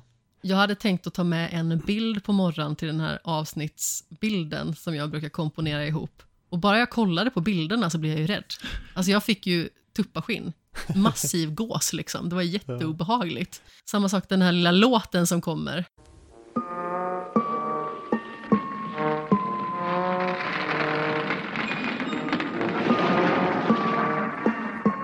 Hjälp! Hjälp! Morgon är efter mig! Men om morgon fanns på riktigt, då vore det ju... Det är klart man skulle vara rädd för den. Ja, men jag vet inte hur många gånger jag har drömt liksom att jag har vaknat och morgon står i rummet. Huh. Alltså det är ju verkligen superobehagligt. Ja. Jag kommer ihåg eh, ett nyårsfirande där det bara var jag och mina två kompisar. Och så diskuterade vi liksom läskig musik eller någonting sånt. Och jag spelade morgons tema och blev själv rädd så jag vågade inte gå hem själv. Så de fick följa mig hela vägen hem. ja. Det är hårt. Ja, det är hårt att vara fegis. Ja. Vi satt en gång i en stuga, jag och några kompisar och jagade upp oss själva eh, med att liksom berätta historier om hur våra framtida jag stod utanför fönstret och kollade vad vi gjorde och vi blev så rädda att vi vågade inte gå och lägga oss. Liksom. Åh nej, framtida Mats. Jag vet inte varför det var så läskigt, men det var det liksom. Efter ett tag så började vi tro att vi såg folk ute i skogen. liksom. Ja, ja, men absolut. Man inbillar sig så otroligt mycket när man liksom har trissat upp sig själv. Ja, Framförallt kunde jag ju känna det för två år sedan, när vi, eh, precis innan när vi spelade in eh, skräckavsnittet då, hade sett eh, The Haunting of Hill House och The Haunting of Bly Manor. Och sedan skulle vi gå ut och gå lights in Alingsås, vilket är väldigt stort behov av mörker i och med att det liksom är ljusinstallationer runt omkring i stan. mm. Och jag tyckte ju liksom att jag såg den här läskiga gubben i hatt överallt. Men apropå Mike Flanagan så tänker jag att vi ska gå in på vårt djupdykningssegment The Midnight Club.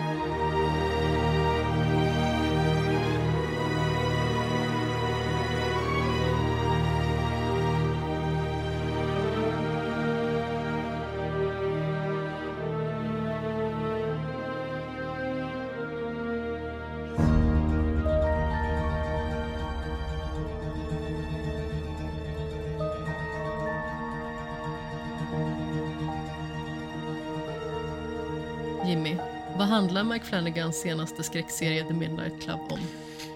The Midnight Club handlar egentligen om ett, eh, ett gäng ungdomar som bor på ett hospice. Eh, för att alla de har liksom en, en sjukdom som de håller på att dö i. Eh, och då finns det här liksom stället som de liksom så att, ja, men, de har accepterat sin livssituation och sen åker de dit liksom för att ja, men de kan bo tillsammans med andra som egentligen går igenom lite samma sak som de gör. Eh, och då har de då skapat den här The Midnight Club där de går till biblioteket vid midnatt och berättar skräckhistorier för varandra. Och The Midnight Club visar ju sig vara en ganska så gammal tradition som har funnits liksom i det här huset sedan väldigt många år tillbaka. Serien utspelar ju sig på 90-talet, men de har väl kunnat spåra tillbaka The Midnight Club till 60-talet någon gång. ja något sånt. Ja. Det är väl, hon, eh, huvudpersonen åker ju dit för att hon hör talas om en av dem som var med i den. Precis. Man följer ju framförallt en tjej som heter Ilonka som har fått cancer och eh, känner sig liksom inte ändå riktigt redo att acceptera sitt öde. Även att de flesta som åker till det här stället eh, faktiskt gör det och känner liksom att de vill spendera sina sista dagar med att leva med likasinnade och eh, kanske få någon form av sinnesro i det de har råkat ut för. Hon har lyckats söka sig fram till att det finns en tjej som eh, bodde på det här hospicet för 30 år sedan som heter Julia Jane. Och eh, hon lyckades med en ritual bli frisk och spatserade ut därifrån och kunde fortsätta leva sitt liv. Och därför kände hon att det kanske finns någonting magiskt som är knutet till det här huset och eh, kände sig villig att ge det en chans. Mm. Ja, det är väl det i korthet. Sen blir det nog spoiler om vi ska gå in mer på vad som händer. Ja, ja, men det här är ju ett spoilerande segment så det är ju bara att smyga in. Ja, eh, nej alltså jag tänkte ju direkt eh, på eh, typ Decamerone eller någon sån här, någon sån här antologibok eller antologiserie som Black Mirror liksom. För det, varje avsnitt innehåller ju en spökhistoria som någon, någon i gänget berättar. Eh, och det, i början tyckte jag nästan det var lite störande, men jag, sen började jag komma in i det. Eh, och några av dem är ju riktigt bra. Var det någon speciell du fäste dig vid? Ja, det, det, är två parallellhandlingar liksom. Det är dels det som händer på riktigt och dels det som händer i deras historier. Eh, och jag vet inte, den jag fäste mig vid särskilt var väl egentligen den eh, som tydligen är en novell av eh, samma person som skrev eh, boken som hette The Road to Nowhere tror jag. Det är det där hon går ut i garaget och sätter sig och bara ska köra genom natten. Eh, och det, det, är liksom ganska lång och väldigt obehaglig stämning hela den historien. Den tyckte jag var, det var nog den, den bästa, den mest gripande liksom. Jag kan bara instämma. Det var ju liksom en väldigt drabbande historia också. Ja. Där man verkligen kände att eh, det fanns så mycket att hämta ur den historien som sa någonting om den karaktären som väckte mycket känslor i en. Mm. Alla de här berättelserna bottnar ju någonstans i karaktärens drag eller sånt som karaktären kanske har varit med om. Eh, sedan så är det ju mycket hittepå däremellan men det finns ju hela tiden kon av verkligheten, bara det att man har tolkat det på olika sätt. Ja, det blir mer och mer tydligt ju, ju mer man lär känna karaktärerna, liksom hur, vilka delar av dem som, som dyker upp i historierna. En del är ju rakt av från deras liv och en del är ju påhittat, men det har ju alltid någonting att göra med det de går igenom. Ja men precis, men om vi tar den här Kevin till exempel som eh, Ilonka blir kär i, en kille som har leukemi och som alltid liksom har varit den här guldgossen. I hans berättelse så handlar det ju om en seriemördare som får viskningar till sig av ett ont väsen att han ska gå runt och mörda folk. Man förstår ju att han är inte en mördare i verkligheten utan det handlar väl liksom mer om att folk hela tiden säger till honom vad han ska vara och eh, hur han ska vara. Mm. Ja, jag kanske ska nämna också att alla de här eh, spökhistorierna spelas ju upp. Det börjar med att de börjar berätta i biblioteket då, och sen spelas de ju upp som en lite separat del av avsnittet och ah, rollerna spelas av samma skådisar. Precis, och sen så får man ju se lite andra skådespelare som Mike Flanagan ja. har arbetat med tidigare som smyger sig in. Han har sina favoriter va? Ja, ja men absolut. Och jag tycker ändå att eh, det är fint hur de eh, sätter ihop vissa av de här karaktärerna i berättelserna. Men samtidigt så tycker jag att i vissa fall så blev det lite uttjatat. Framförallt i början så förstod man liksom inte riktigt vad det skulle ha för funktion. Sen så fanns det några specifika, precis som den du nämnde tidigare om eh, när den här unga tjejen går och sätter sig i bilen och ska köra iväg. Ja. Men jag uppskattade också den som eh, handlade om cyborgen till exempel och även eh, videospelsutvecklaren. Ja, den hade jag nästan glömt. Ja, den var också bra. De två kändes ju mest som, vad heter det, Dark Mirror-avsnitt. Black Mirror heter det väl? Dels det och dels så kändes de liksom väldigt tidsenliga också. Ja. Det tog ett tag innan jag fattade att det var på 90-talet. Eh, för det var liksom, alla hade gamla bilar och sådär, men det, någonstans mot slutet av första avsnittet så insåg jag att ingen har rört en mobiltelefon. Och sen bara, jaha, det är på 90-talet. Och sen, sen började jag ju känna igen saker, för jag bodde i USA på 90-talet, så jag kände igen liksom hur folk var klädda och sådär, men Jaha, men vad roligt. ja, Vart höll du till då för någonstans? Kalifornien. Men det var, jag, hade, jag gick också runt i så här lite för stora rutiga skjortor och, och tennisskor liksom. Det var, jag, jag, jag gick ju också klädd sådär som de gör i serien liksom. I början av 90-talet gick jag runt i sparkdräkt, så jag kände inte igen mig så jättemycket. Ja. Nej, men det var, men det var, jag tror ett bra drag att lägga det i 90-talet. För det, då, hade de haft mobiler och bara kunnat googla grejer hela tiden, det hade inte blivit alls samma sak. Ja, men jag uppskattar ändå att det blir lite olika miljöskiften och sånt där. Det känns ju också igen från Mike Flanagans andra serie, alltså typ The Haunting of Bly Manor tror jag utspelar sig på 80-talet, va Jimmy? Det minns inte jag. Eh, jag har inte sett den, men när utspelar sig eh, Midnight Mass? Midnight Mass är lite mer i nutid och Ja. The Haunting of Hill House är lite mer i nutid. Men i och med att Midnight Mass utspelar sig på en ö Mm. där eh, det känns liksom som att civilisationen har stannat till lite, då blir det inte så mycket fokus på tekniken utan det handlar ju väldigt mycket om kyrkan och vad den liksom har för funktion i det samhället. Ja, jo, eh, och, men det, Midnight Mass var enklare att komma in i den här. Den här serien är lite mer av en slow burn. Kanske för att det är ganska stor. Eh, det är väl, hur många är de? De är sju, eller vad är de? Ja, någonting sånt. Eh, och det tar ju ett tag innan man lär känna alla. De är väldigt bra på att bygga upp karaktärerna. Men det tar ett tag. Och det, det är nog bra, men just därför så kände jag Första avsnittet kändes det nästan som ett jobb att titta på det här, för jag kom liksom inte in i det, det tog tid och det var, eh, jag fattade inte allting. Men någonstans i mitten så smög det liksom sig på och jag började känna att jag känner de här människorna, jag börjar gilla dem. Midnight Mass var ju liksom betydligt lättare att komma in i för att den var så otroligt liksom medryckande berättelsemässigt Mm. och det fanns ju ett mörker som dels vilade över huvudkaraktären men också som kändes som en hotbild mot samhället. Så det kändes ju liksom som att man var tvungen att titta vidare bara för att veta vad som händer egentligen. Och det känns liksom som att det ligger ett mysterium där som man vill nysta i. The Midnight Club var ju lite svårare att komma in i, kände jag personligen, bara för att de här berättelserna började liksom ta sin plats. Och jag tyckte inte i början att det var så himla spännande. Nej, jag tyckte att de liksom stal eh, scenen lite grann från det jag ville veta vad som, vad som händer på stället. Dels det, och dels kände jag också att jag ville känna karaktärerna mer. Mm. Och jag hade nog gärna velat se karaktärerna utvecklas lite mer för ens egna ögon innan man började ge sig in på berättelserna. Mm. Berättelserna blev liksom lite för många. Ja, och det kändes inte som man hade liksom någon stake i dem, utan det var liksom bara, ja, här är den här personen som berättar om någonting, men jag vet inte vem det är liksom, så det, det berör mig inte. Men mot slutet blev det ju mycket mer personligt, och skulle man titta om på det nu, när man känner karaktärerna så kanske det skulle vara lite annorlunda.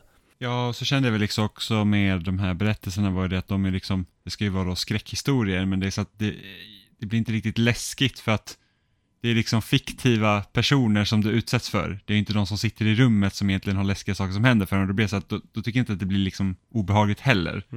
Det är ju lite saker som händer dem, eh, kanske. Det, är- det är hela tiden lite tveksamt om det verkligen händer läskiga saker eller om de inbillar sig eller om det är deras mediciner eller vad det är.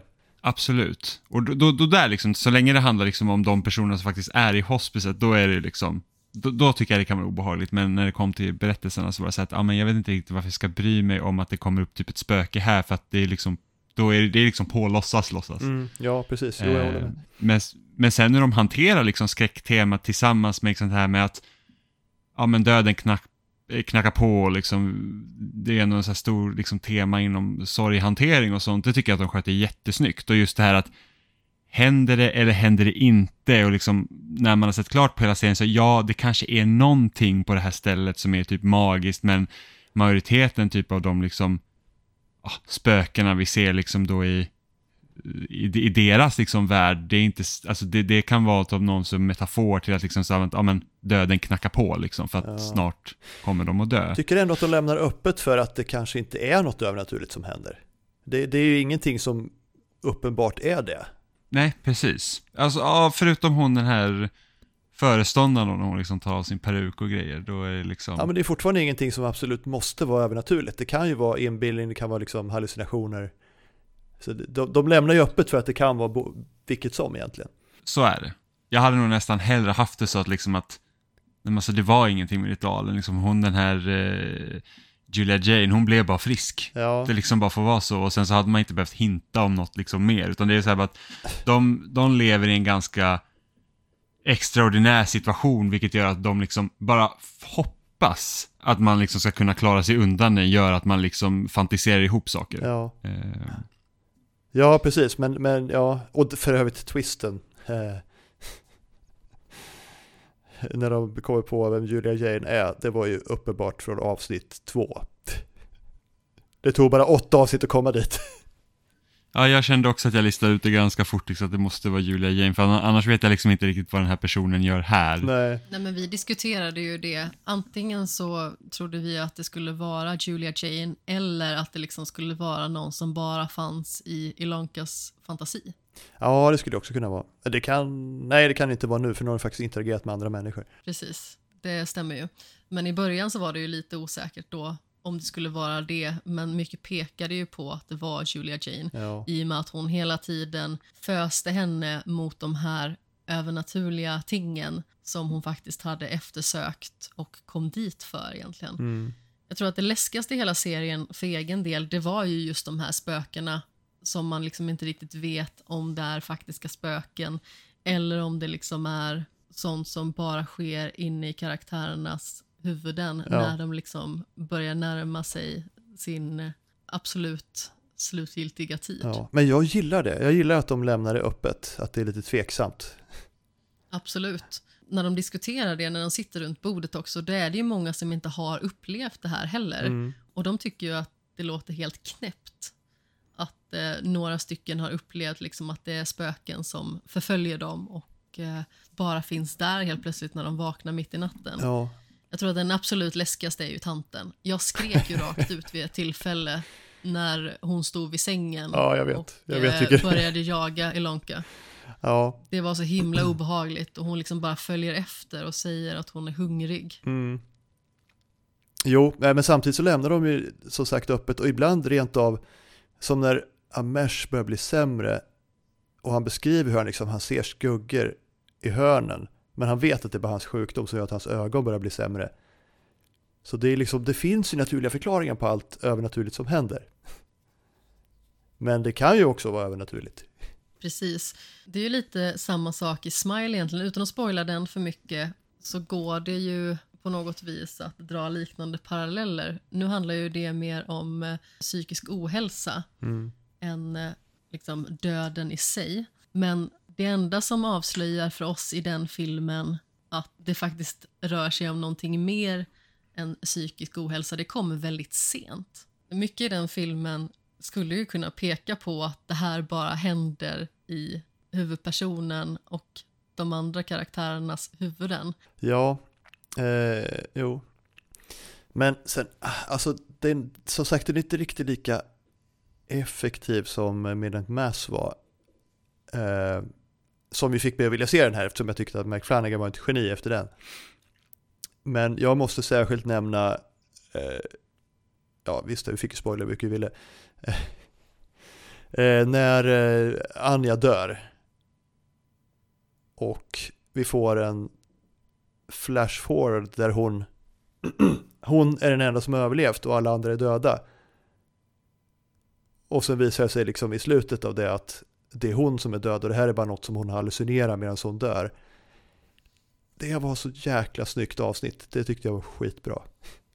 Ja, ja, men det var verkligen riktigt fint. Det var fruktansvärt sorgligt också när hon gick bort. Ja, det var jag grina som en bebis. Alltså. När man insåg att hon faktiskt var död.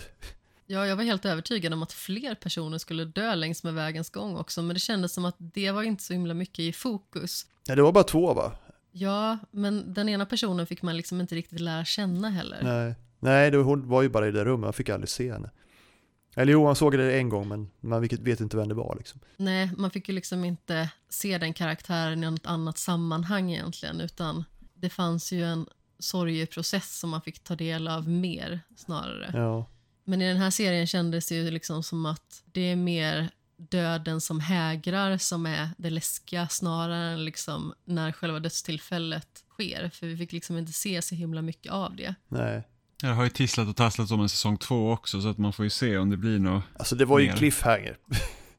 Ja, jo, precis, det var ju en cliffhanger, men samtidigt så skräckberättelser kan ju ofta lämnas så öppet och sen blir det liksom inget av det mer. Ja. Men det känns inte riktigt som hans grej att komma tillbaka med en säsong två heller. I synnerhet nu i och med att vi vet att om ungefär ett år så kommer vi ju få The Fall of the House of Asher. ja. Så det lär ju i så fall dröja väldigt länge om det faktiskt skulle bli en säsong två. Ja, alltså det, det behövs egentligen inte en säsong två, men det finns ju grejer kvar att göra, det gör det ju. Anledningen till att jag känner att det inte behövs en säsong två är för att jag tycker att det här var den absolut sämsta av hans serier som jag har sett. Mm. Jag tyckte att den hade fina tillfällen som absolut gjorde mig rörd. Och det är klart att när det hände sorgliga saker och eh, när det fanns sekvenser som sa väldigt mycket om karaktärerna och det de genomlider. Alltså det är ju liksom smärtsamt att se och man sitter ju och blir sorgsen och eh, rörs till tårar. Ja. Samtidigt var de lite för pigga för att vara döende, var de inte det? Det är rätt sällan de faktiskt... Jag menar, det är typ Anja som faktiskt har blivit av med benet, som tydligen den skådisen på riktigt har också. Men Jaha, hon är, hon är, hon är enbent. Men, ehm, men det känns som att de är lite för fräscha liksom, och pigga för att vara döende. men det känns ju som att de hela tiden har någonting på gång. Mm. Ja, kanske när man liksom också tagit det stadiet att man åker till ett hospice. Ja, då, är- då är det ju liksom, då är det ju kört, då borde man vara lite sämre i skick tycker jag. Ja. Fast det är klart att de bara hade stapplat omkring på kryckor allihop, det hade inte varit så kul. Men jag tror att mycket som gör att den här serien kanske inte fångar lika mycket, vilket också borde vara en faktor till att den skulle fånga mycket, Mm. det är just det att det involverar nästan bara ungdomar. Mm. Ja, men det är ju en eh, YA-bok från början väl? Jag tror det också. Alltså, å ena sidan så har vi liksom den faktorn att det är unga människor som snart kommer dö och det är ju fruktansvärt. Mm. Men å andra sidan så har vi att det är unga människor som det handlar om och det känns som att det påverkar väldigt mycket hur berättelsen förs fram och jag tycker liksom att manuset inte är lika bra som i tidigare serier. Nej, det är lite slappt bitvis, lite uppenbart. Eh, jag tycker, jag gillar karaktärerna. Och jag gillar att de faktiskt utvecklas och liksom interagerar på ett realistiskt sätt. Men själva storyn är lite klen. Det är den. Det är knappt någon. Det händer egentligen inte så mycket. Jag vet inte riktigt vad jag tycker om den här sektbiten heller. Jag hade nog liksom föredragit om det hade varit lite mer spökhistoriefokus. Alltså nu Mm. menar jag inte historien som de liksom sitter och berättar i biblioteket, utan att själva känslan i berättelsen i sig skulle vara lite mer spökhistoria, likt Bly Manor till exempel. Mm. Ja, ja, det hade nog faktiskt varit bättre, men jag tror att det jag stämmer på är den klena plotten. Det, det, för det, det är snyggt och det är liksom det är trovärdiga karaktärer spelade av rätt bra skådisar. Men det är, det är väldigt tunt. Handlingen är väldigt tunn. Ja, och det är väldigt synd, för jag hade sett fram emot den här serien jättemycket. Ja.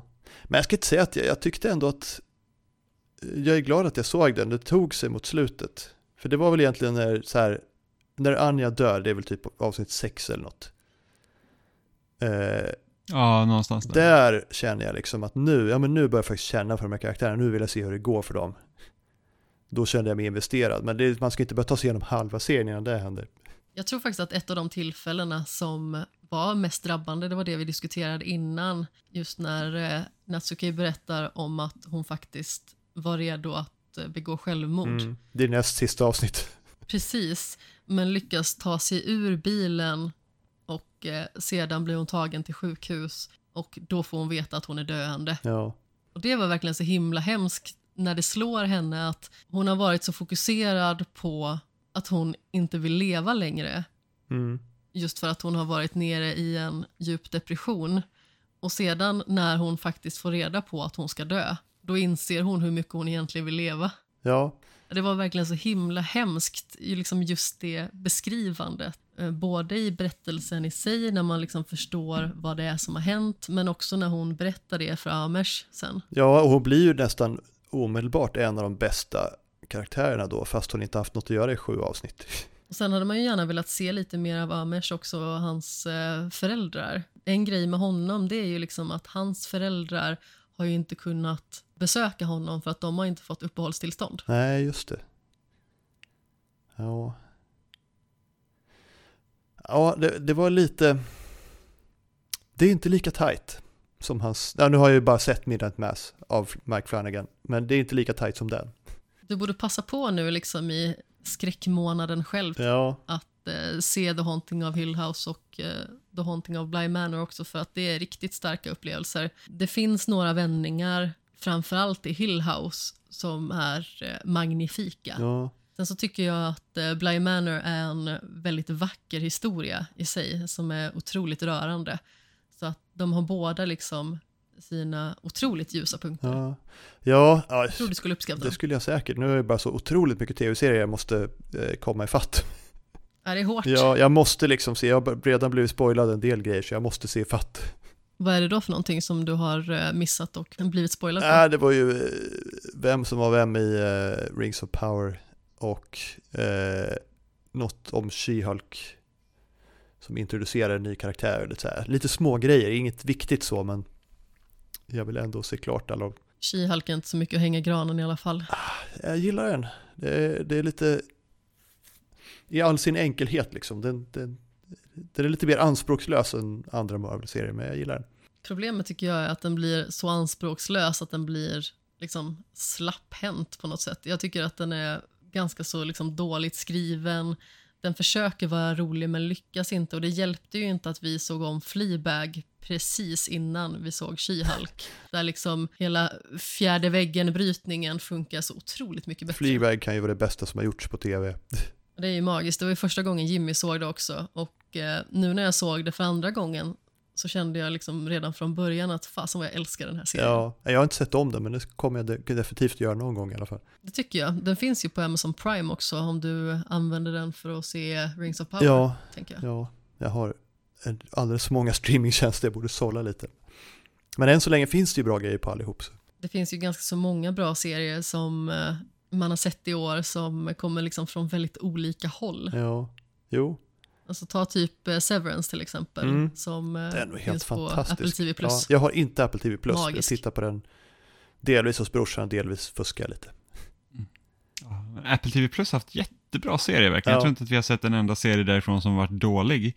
Nej, de har, ja, just Severance var ju helt otroligt bra. Och eh, For All Mankind, skitbra också. Och även The Morning Show. Den har jag inte sett. Men sen vi såg ju Yellow Jacket också, den var ju skitbra. Ja, den ska ju också vara bra. det. Ja, den, Den var på Paramount Plus, som numera är Sky Showtime. Kolla inte på mig. ja, då jag får slå ihop lite av de här, känner jag. Ja, ja, men det är, det, är lite, det är lite väl mycket och sen är det lite tråkigt när det blir så många streamingtjänster för det finns ju alltid något sevärt på någon av dem. Ja, Vi sitter ju med HBO och Netflix och Disney Plus och, och Amazon Prime just nu. ja. ja, men det är de jag har också. Eh, Och så betalar jag för YouTube för att det finns inte några adblockers till min tv. Ja, jag, YouTube, jag kollar så sällan på YouTube men det är, det är horribelt mycket reklam. Ja, jag orkar inte. Jag, jag, alltså det det gick bra på datorn för adblocker plockar det mesta, men när jag började kolla på tv kände jag nej, nu får jag fan betala för mig. Ja, men det kommer liksom mitt i allt. Liksom så bara, jag, jag sitter och kollar på ett klipp som är reklam och jag får reklam i min reklam. Ja, nej, det är vansinnigt. Ja, ja det är fruktansvärt. Men om vi ska återvända lite till The Midnight Club, så en sak som jag tyckte var lite jobbigt i serien, det var ju att jag började ogilla huvudkaraktären. Ja, hon blir lite osympatisk. Hon blir väldigt osympatisk. Det känns liksom som att hon tycker att hennes lidande är viktigare än alla andras på något sätt. Och hela den här biten med att hon väldigt gärna vill gå i Julia Janes fotspår då och eh, faktiskt bli frisk. Mm. och att inte hon har åkt dit för att eh, bara liksom leva ut sina sista dagar. Det blir så himla märkligt på något sätt. Ja, När hon hör föreståndaren prata med en doktor och som säger att en av personerna kommer få åka hem för att de har gjort en missbedömning mm. i några provresultat. Och hon liksom automatiskt tror att det är hon. Och det känns som att hon tror att det är hon bara för att hon är så himla mycket bättre på att överleva än de andra. ja eh, det är ju i och för sig jag kan i och för sig tycka att det är lite roligt att hon har lite main character syndrome när det i själva verket är så här ensemble show. Men det känns lite på något sätt som att hon får lite storhetsvansinne. Ja, jo, och det kan jag i och för sig gilla, men det är ju tråkigt att man inte kan relatera till henne för att man tycker att hon är ett as ibland. Liksom. Ja, men det känns liksom som att hon själv tycker att hennes lidande väger så himla mycket tyngre för att hon har varit så lovande och eh, hennes problem är så mycket större för att hon hade ju en sån ljus framtid framför sig. Mm. Men det hade ju flera av de andra också. Ja, jo, nej, hon är inte särskilt sympatisk, eh, fast det måste väl inte huvudperson vara i och för sig. Nej, absolut inte. Men jag tycker att det är jobbigt att jag går från att verkligen gilla huvudkaraktären till att inte gilla henne alls. Mm. Jo, Det var nästan så att jag kände i slutet, död din jävel. nej absolut inte, eh, inte så. Det kommer väl hända förr eller senare oavsett. Men det jag kände var att jag tycker inte riktigt att hon förtjänade den här Kevin som hon har gått och trånat efter typ ända sedan i början. nej, det, nej. Alltså de jag hejar på är ju liksom Natsuki och Amesh. Och Anja förstås, men hon gick ju och dog. Ja, det var ju lite olyckligt det där. Hela den biten med att hon dog ur programmet. Ja, Men hela biten med Kevin där, ja, det tycker jag ju är ganska så drabbande också. Liksom, att eh, Han är ju ihop med en tjej liksom, som han har träffat på skolan i stort Ja. sett. Och hon fortsätter ju komma dit trots att han är så sjuk som han är. Han tycker ju liksom att det är jobbigt att eh, hålla uppe fasaden. Men när Ilonka då liksom säger till henne att eh, hon gör det värre för honom i stort sett. Alltså jag tyckte att det var så himla rövhåligt beteende. ja det var det ju. Sen hade hon väl rätt, men det var ju för att han kanske hade velat göra slut ett tag men inte våga typ för att hon var så snäll. Ja, men exakt. Och jag menar, alltså tänk själv att vara tonåring och vara kär i någon och ändå liksom någonstans djupt inne veta att den här personen kommer att dö. Mm, Så det är en fruktansvärd situation. ja, Men eh, det jag trodde när de sa att det kommer vara någon som eh, får lämna för att personen inte är liksom dödligt sjuk. Jag trodde att det skulle vara Kevin. ja men han hade leukemi, han verkar ju, han är ju den enda av dem som är lite blek i alla fall. Ja, men jag tänkte på något sätt att det kommer vara någon sån twist att hon får inte honom och han får liksom ta sig tillbaka ut i livet. Mm. Ja, jag vet inte, nej men jag, jag vet inte vem jag trodde att det var.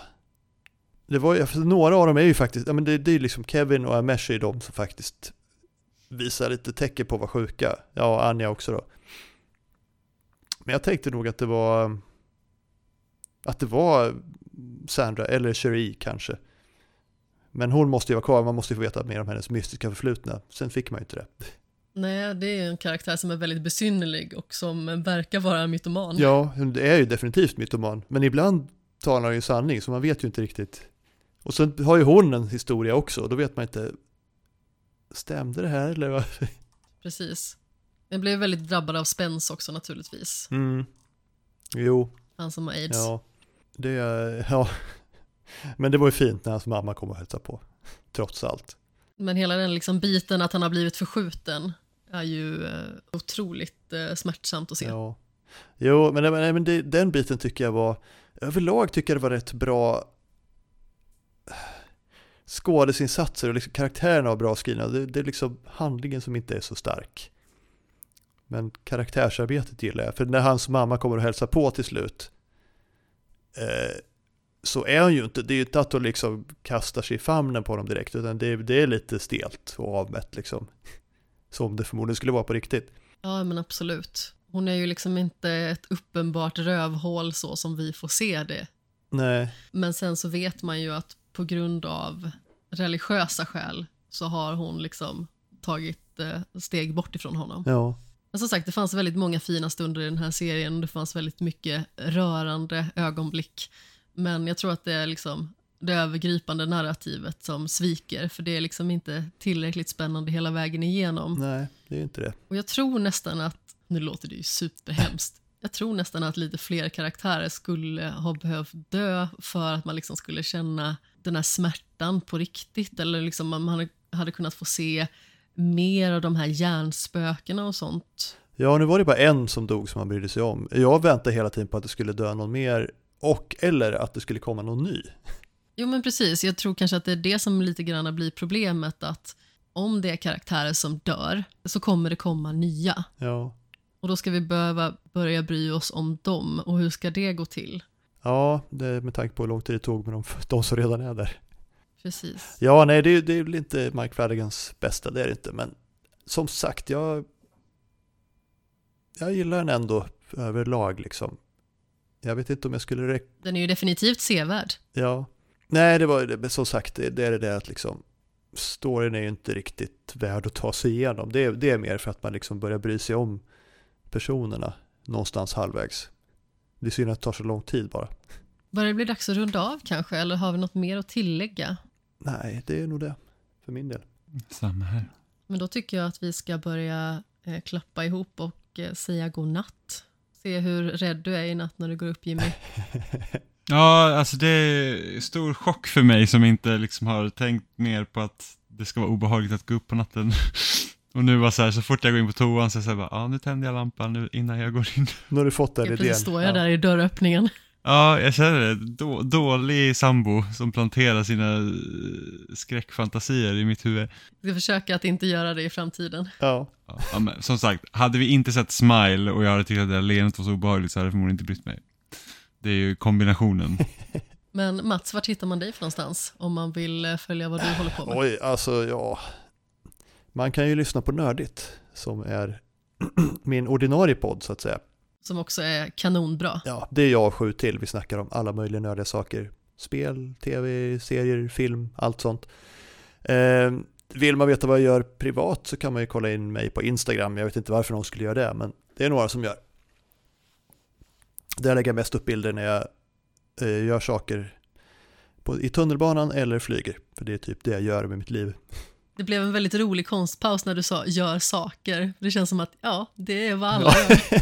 Ja. De lägger upp bilder när de gör saker. Ja, men alltså jag har det där mer som en fotodagbok än någonting. Jag försöker inte skaffa följare eller något. Men, men någon av mina grejer, en reel som jag la upp där så här fäller ut och sen in motorn på ett, ett segelflygplan. Den blev tydligen viral på något sätt och har så här 6500 likes nu liksom.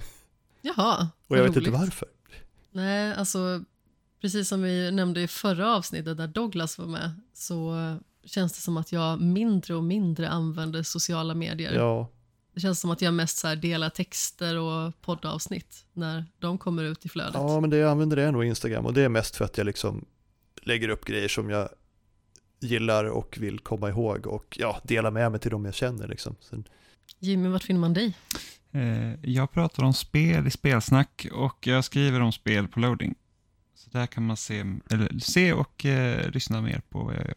Jag finns ju i samma kanaler, men man kan också följa mig på Twitter och Instagram där jag heter Kapten Sten, Sten med två E. Och man får jättegärna läsa några texter som kommer ut förmodligen ganska så snart. Jag har ju ganska så många recensionsuppdrag på gång. Borde komma ut inom närmsta veckorna. Det är mycket spel som släpps just nu mm, som är eh, kul att ha något att göra. intressanta. Ja, absolut. Kommer jag behöva lämna Dorf Romantic och de här tyska idyllerna. Och, och Fall Guys. Nej, Fall Guys kommer jag inte lämna. Jag kommer alltid tillbaka till Fall Guys. Och skämshögen naturligtvis hittar man ju på Twitter och Instagram på Skamshogen. Finns också på Facebook naturligtvis. Man kan skicka e-post till skamshogen.gmail.com. Har man några frågor, funderingar, förslag eller önskemål så är det bara att skriva en liten kommentar eller kommentera på vad man kanske själv är rädd för. Eller vad man tyckte om serierna eller de filmer och spel och böcker och dylikt som vi har pratat om i dagens avsnitt. Det är alltid kul att veta att det faktiskt finns någon där ute som lyssnar. det lät lite sorgligt. Det var jättekul att ha dig med Mats i vanlig ordning. Det var kul att vara med. Det är inte sista gången som vi bjuder in dig såklart. Nej, Mike Flanagan släpper säkert någon ny serie snart. Vi hör av oss om ett år igen. Ja, precis. Men så länge så säger vi puss i ljumsken. Hej då. Hej då.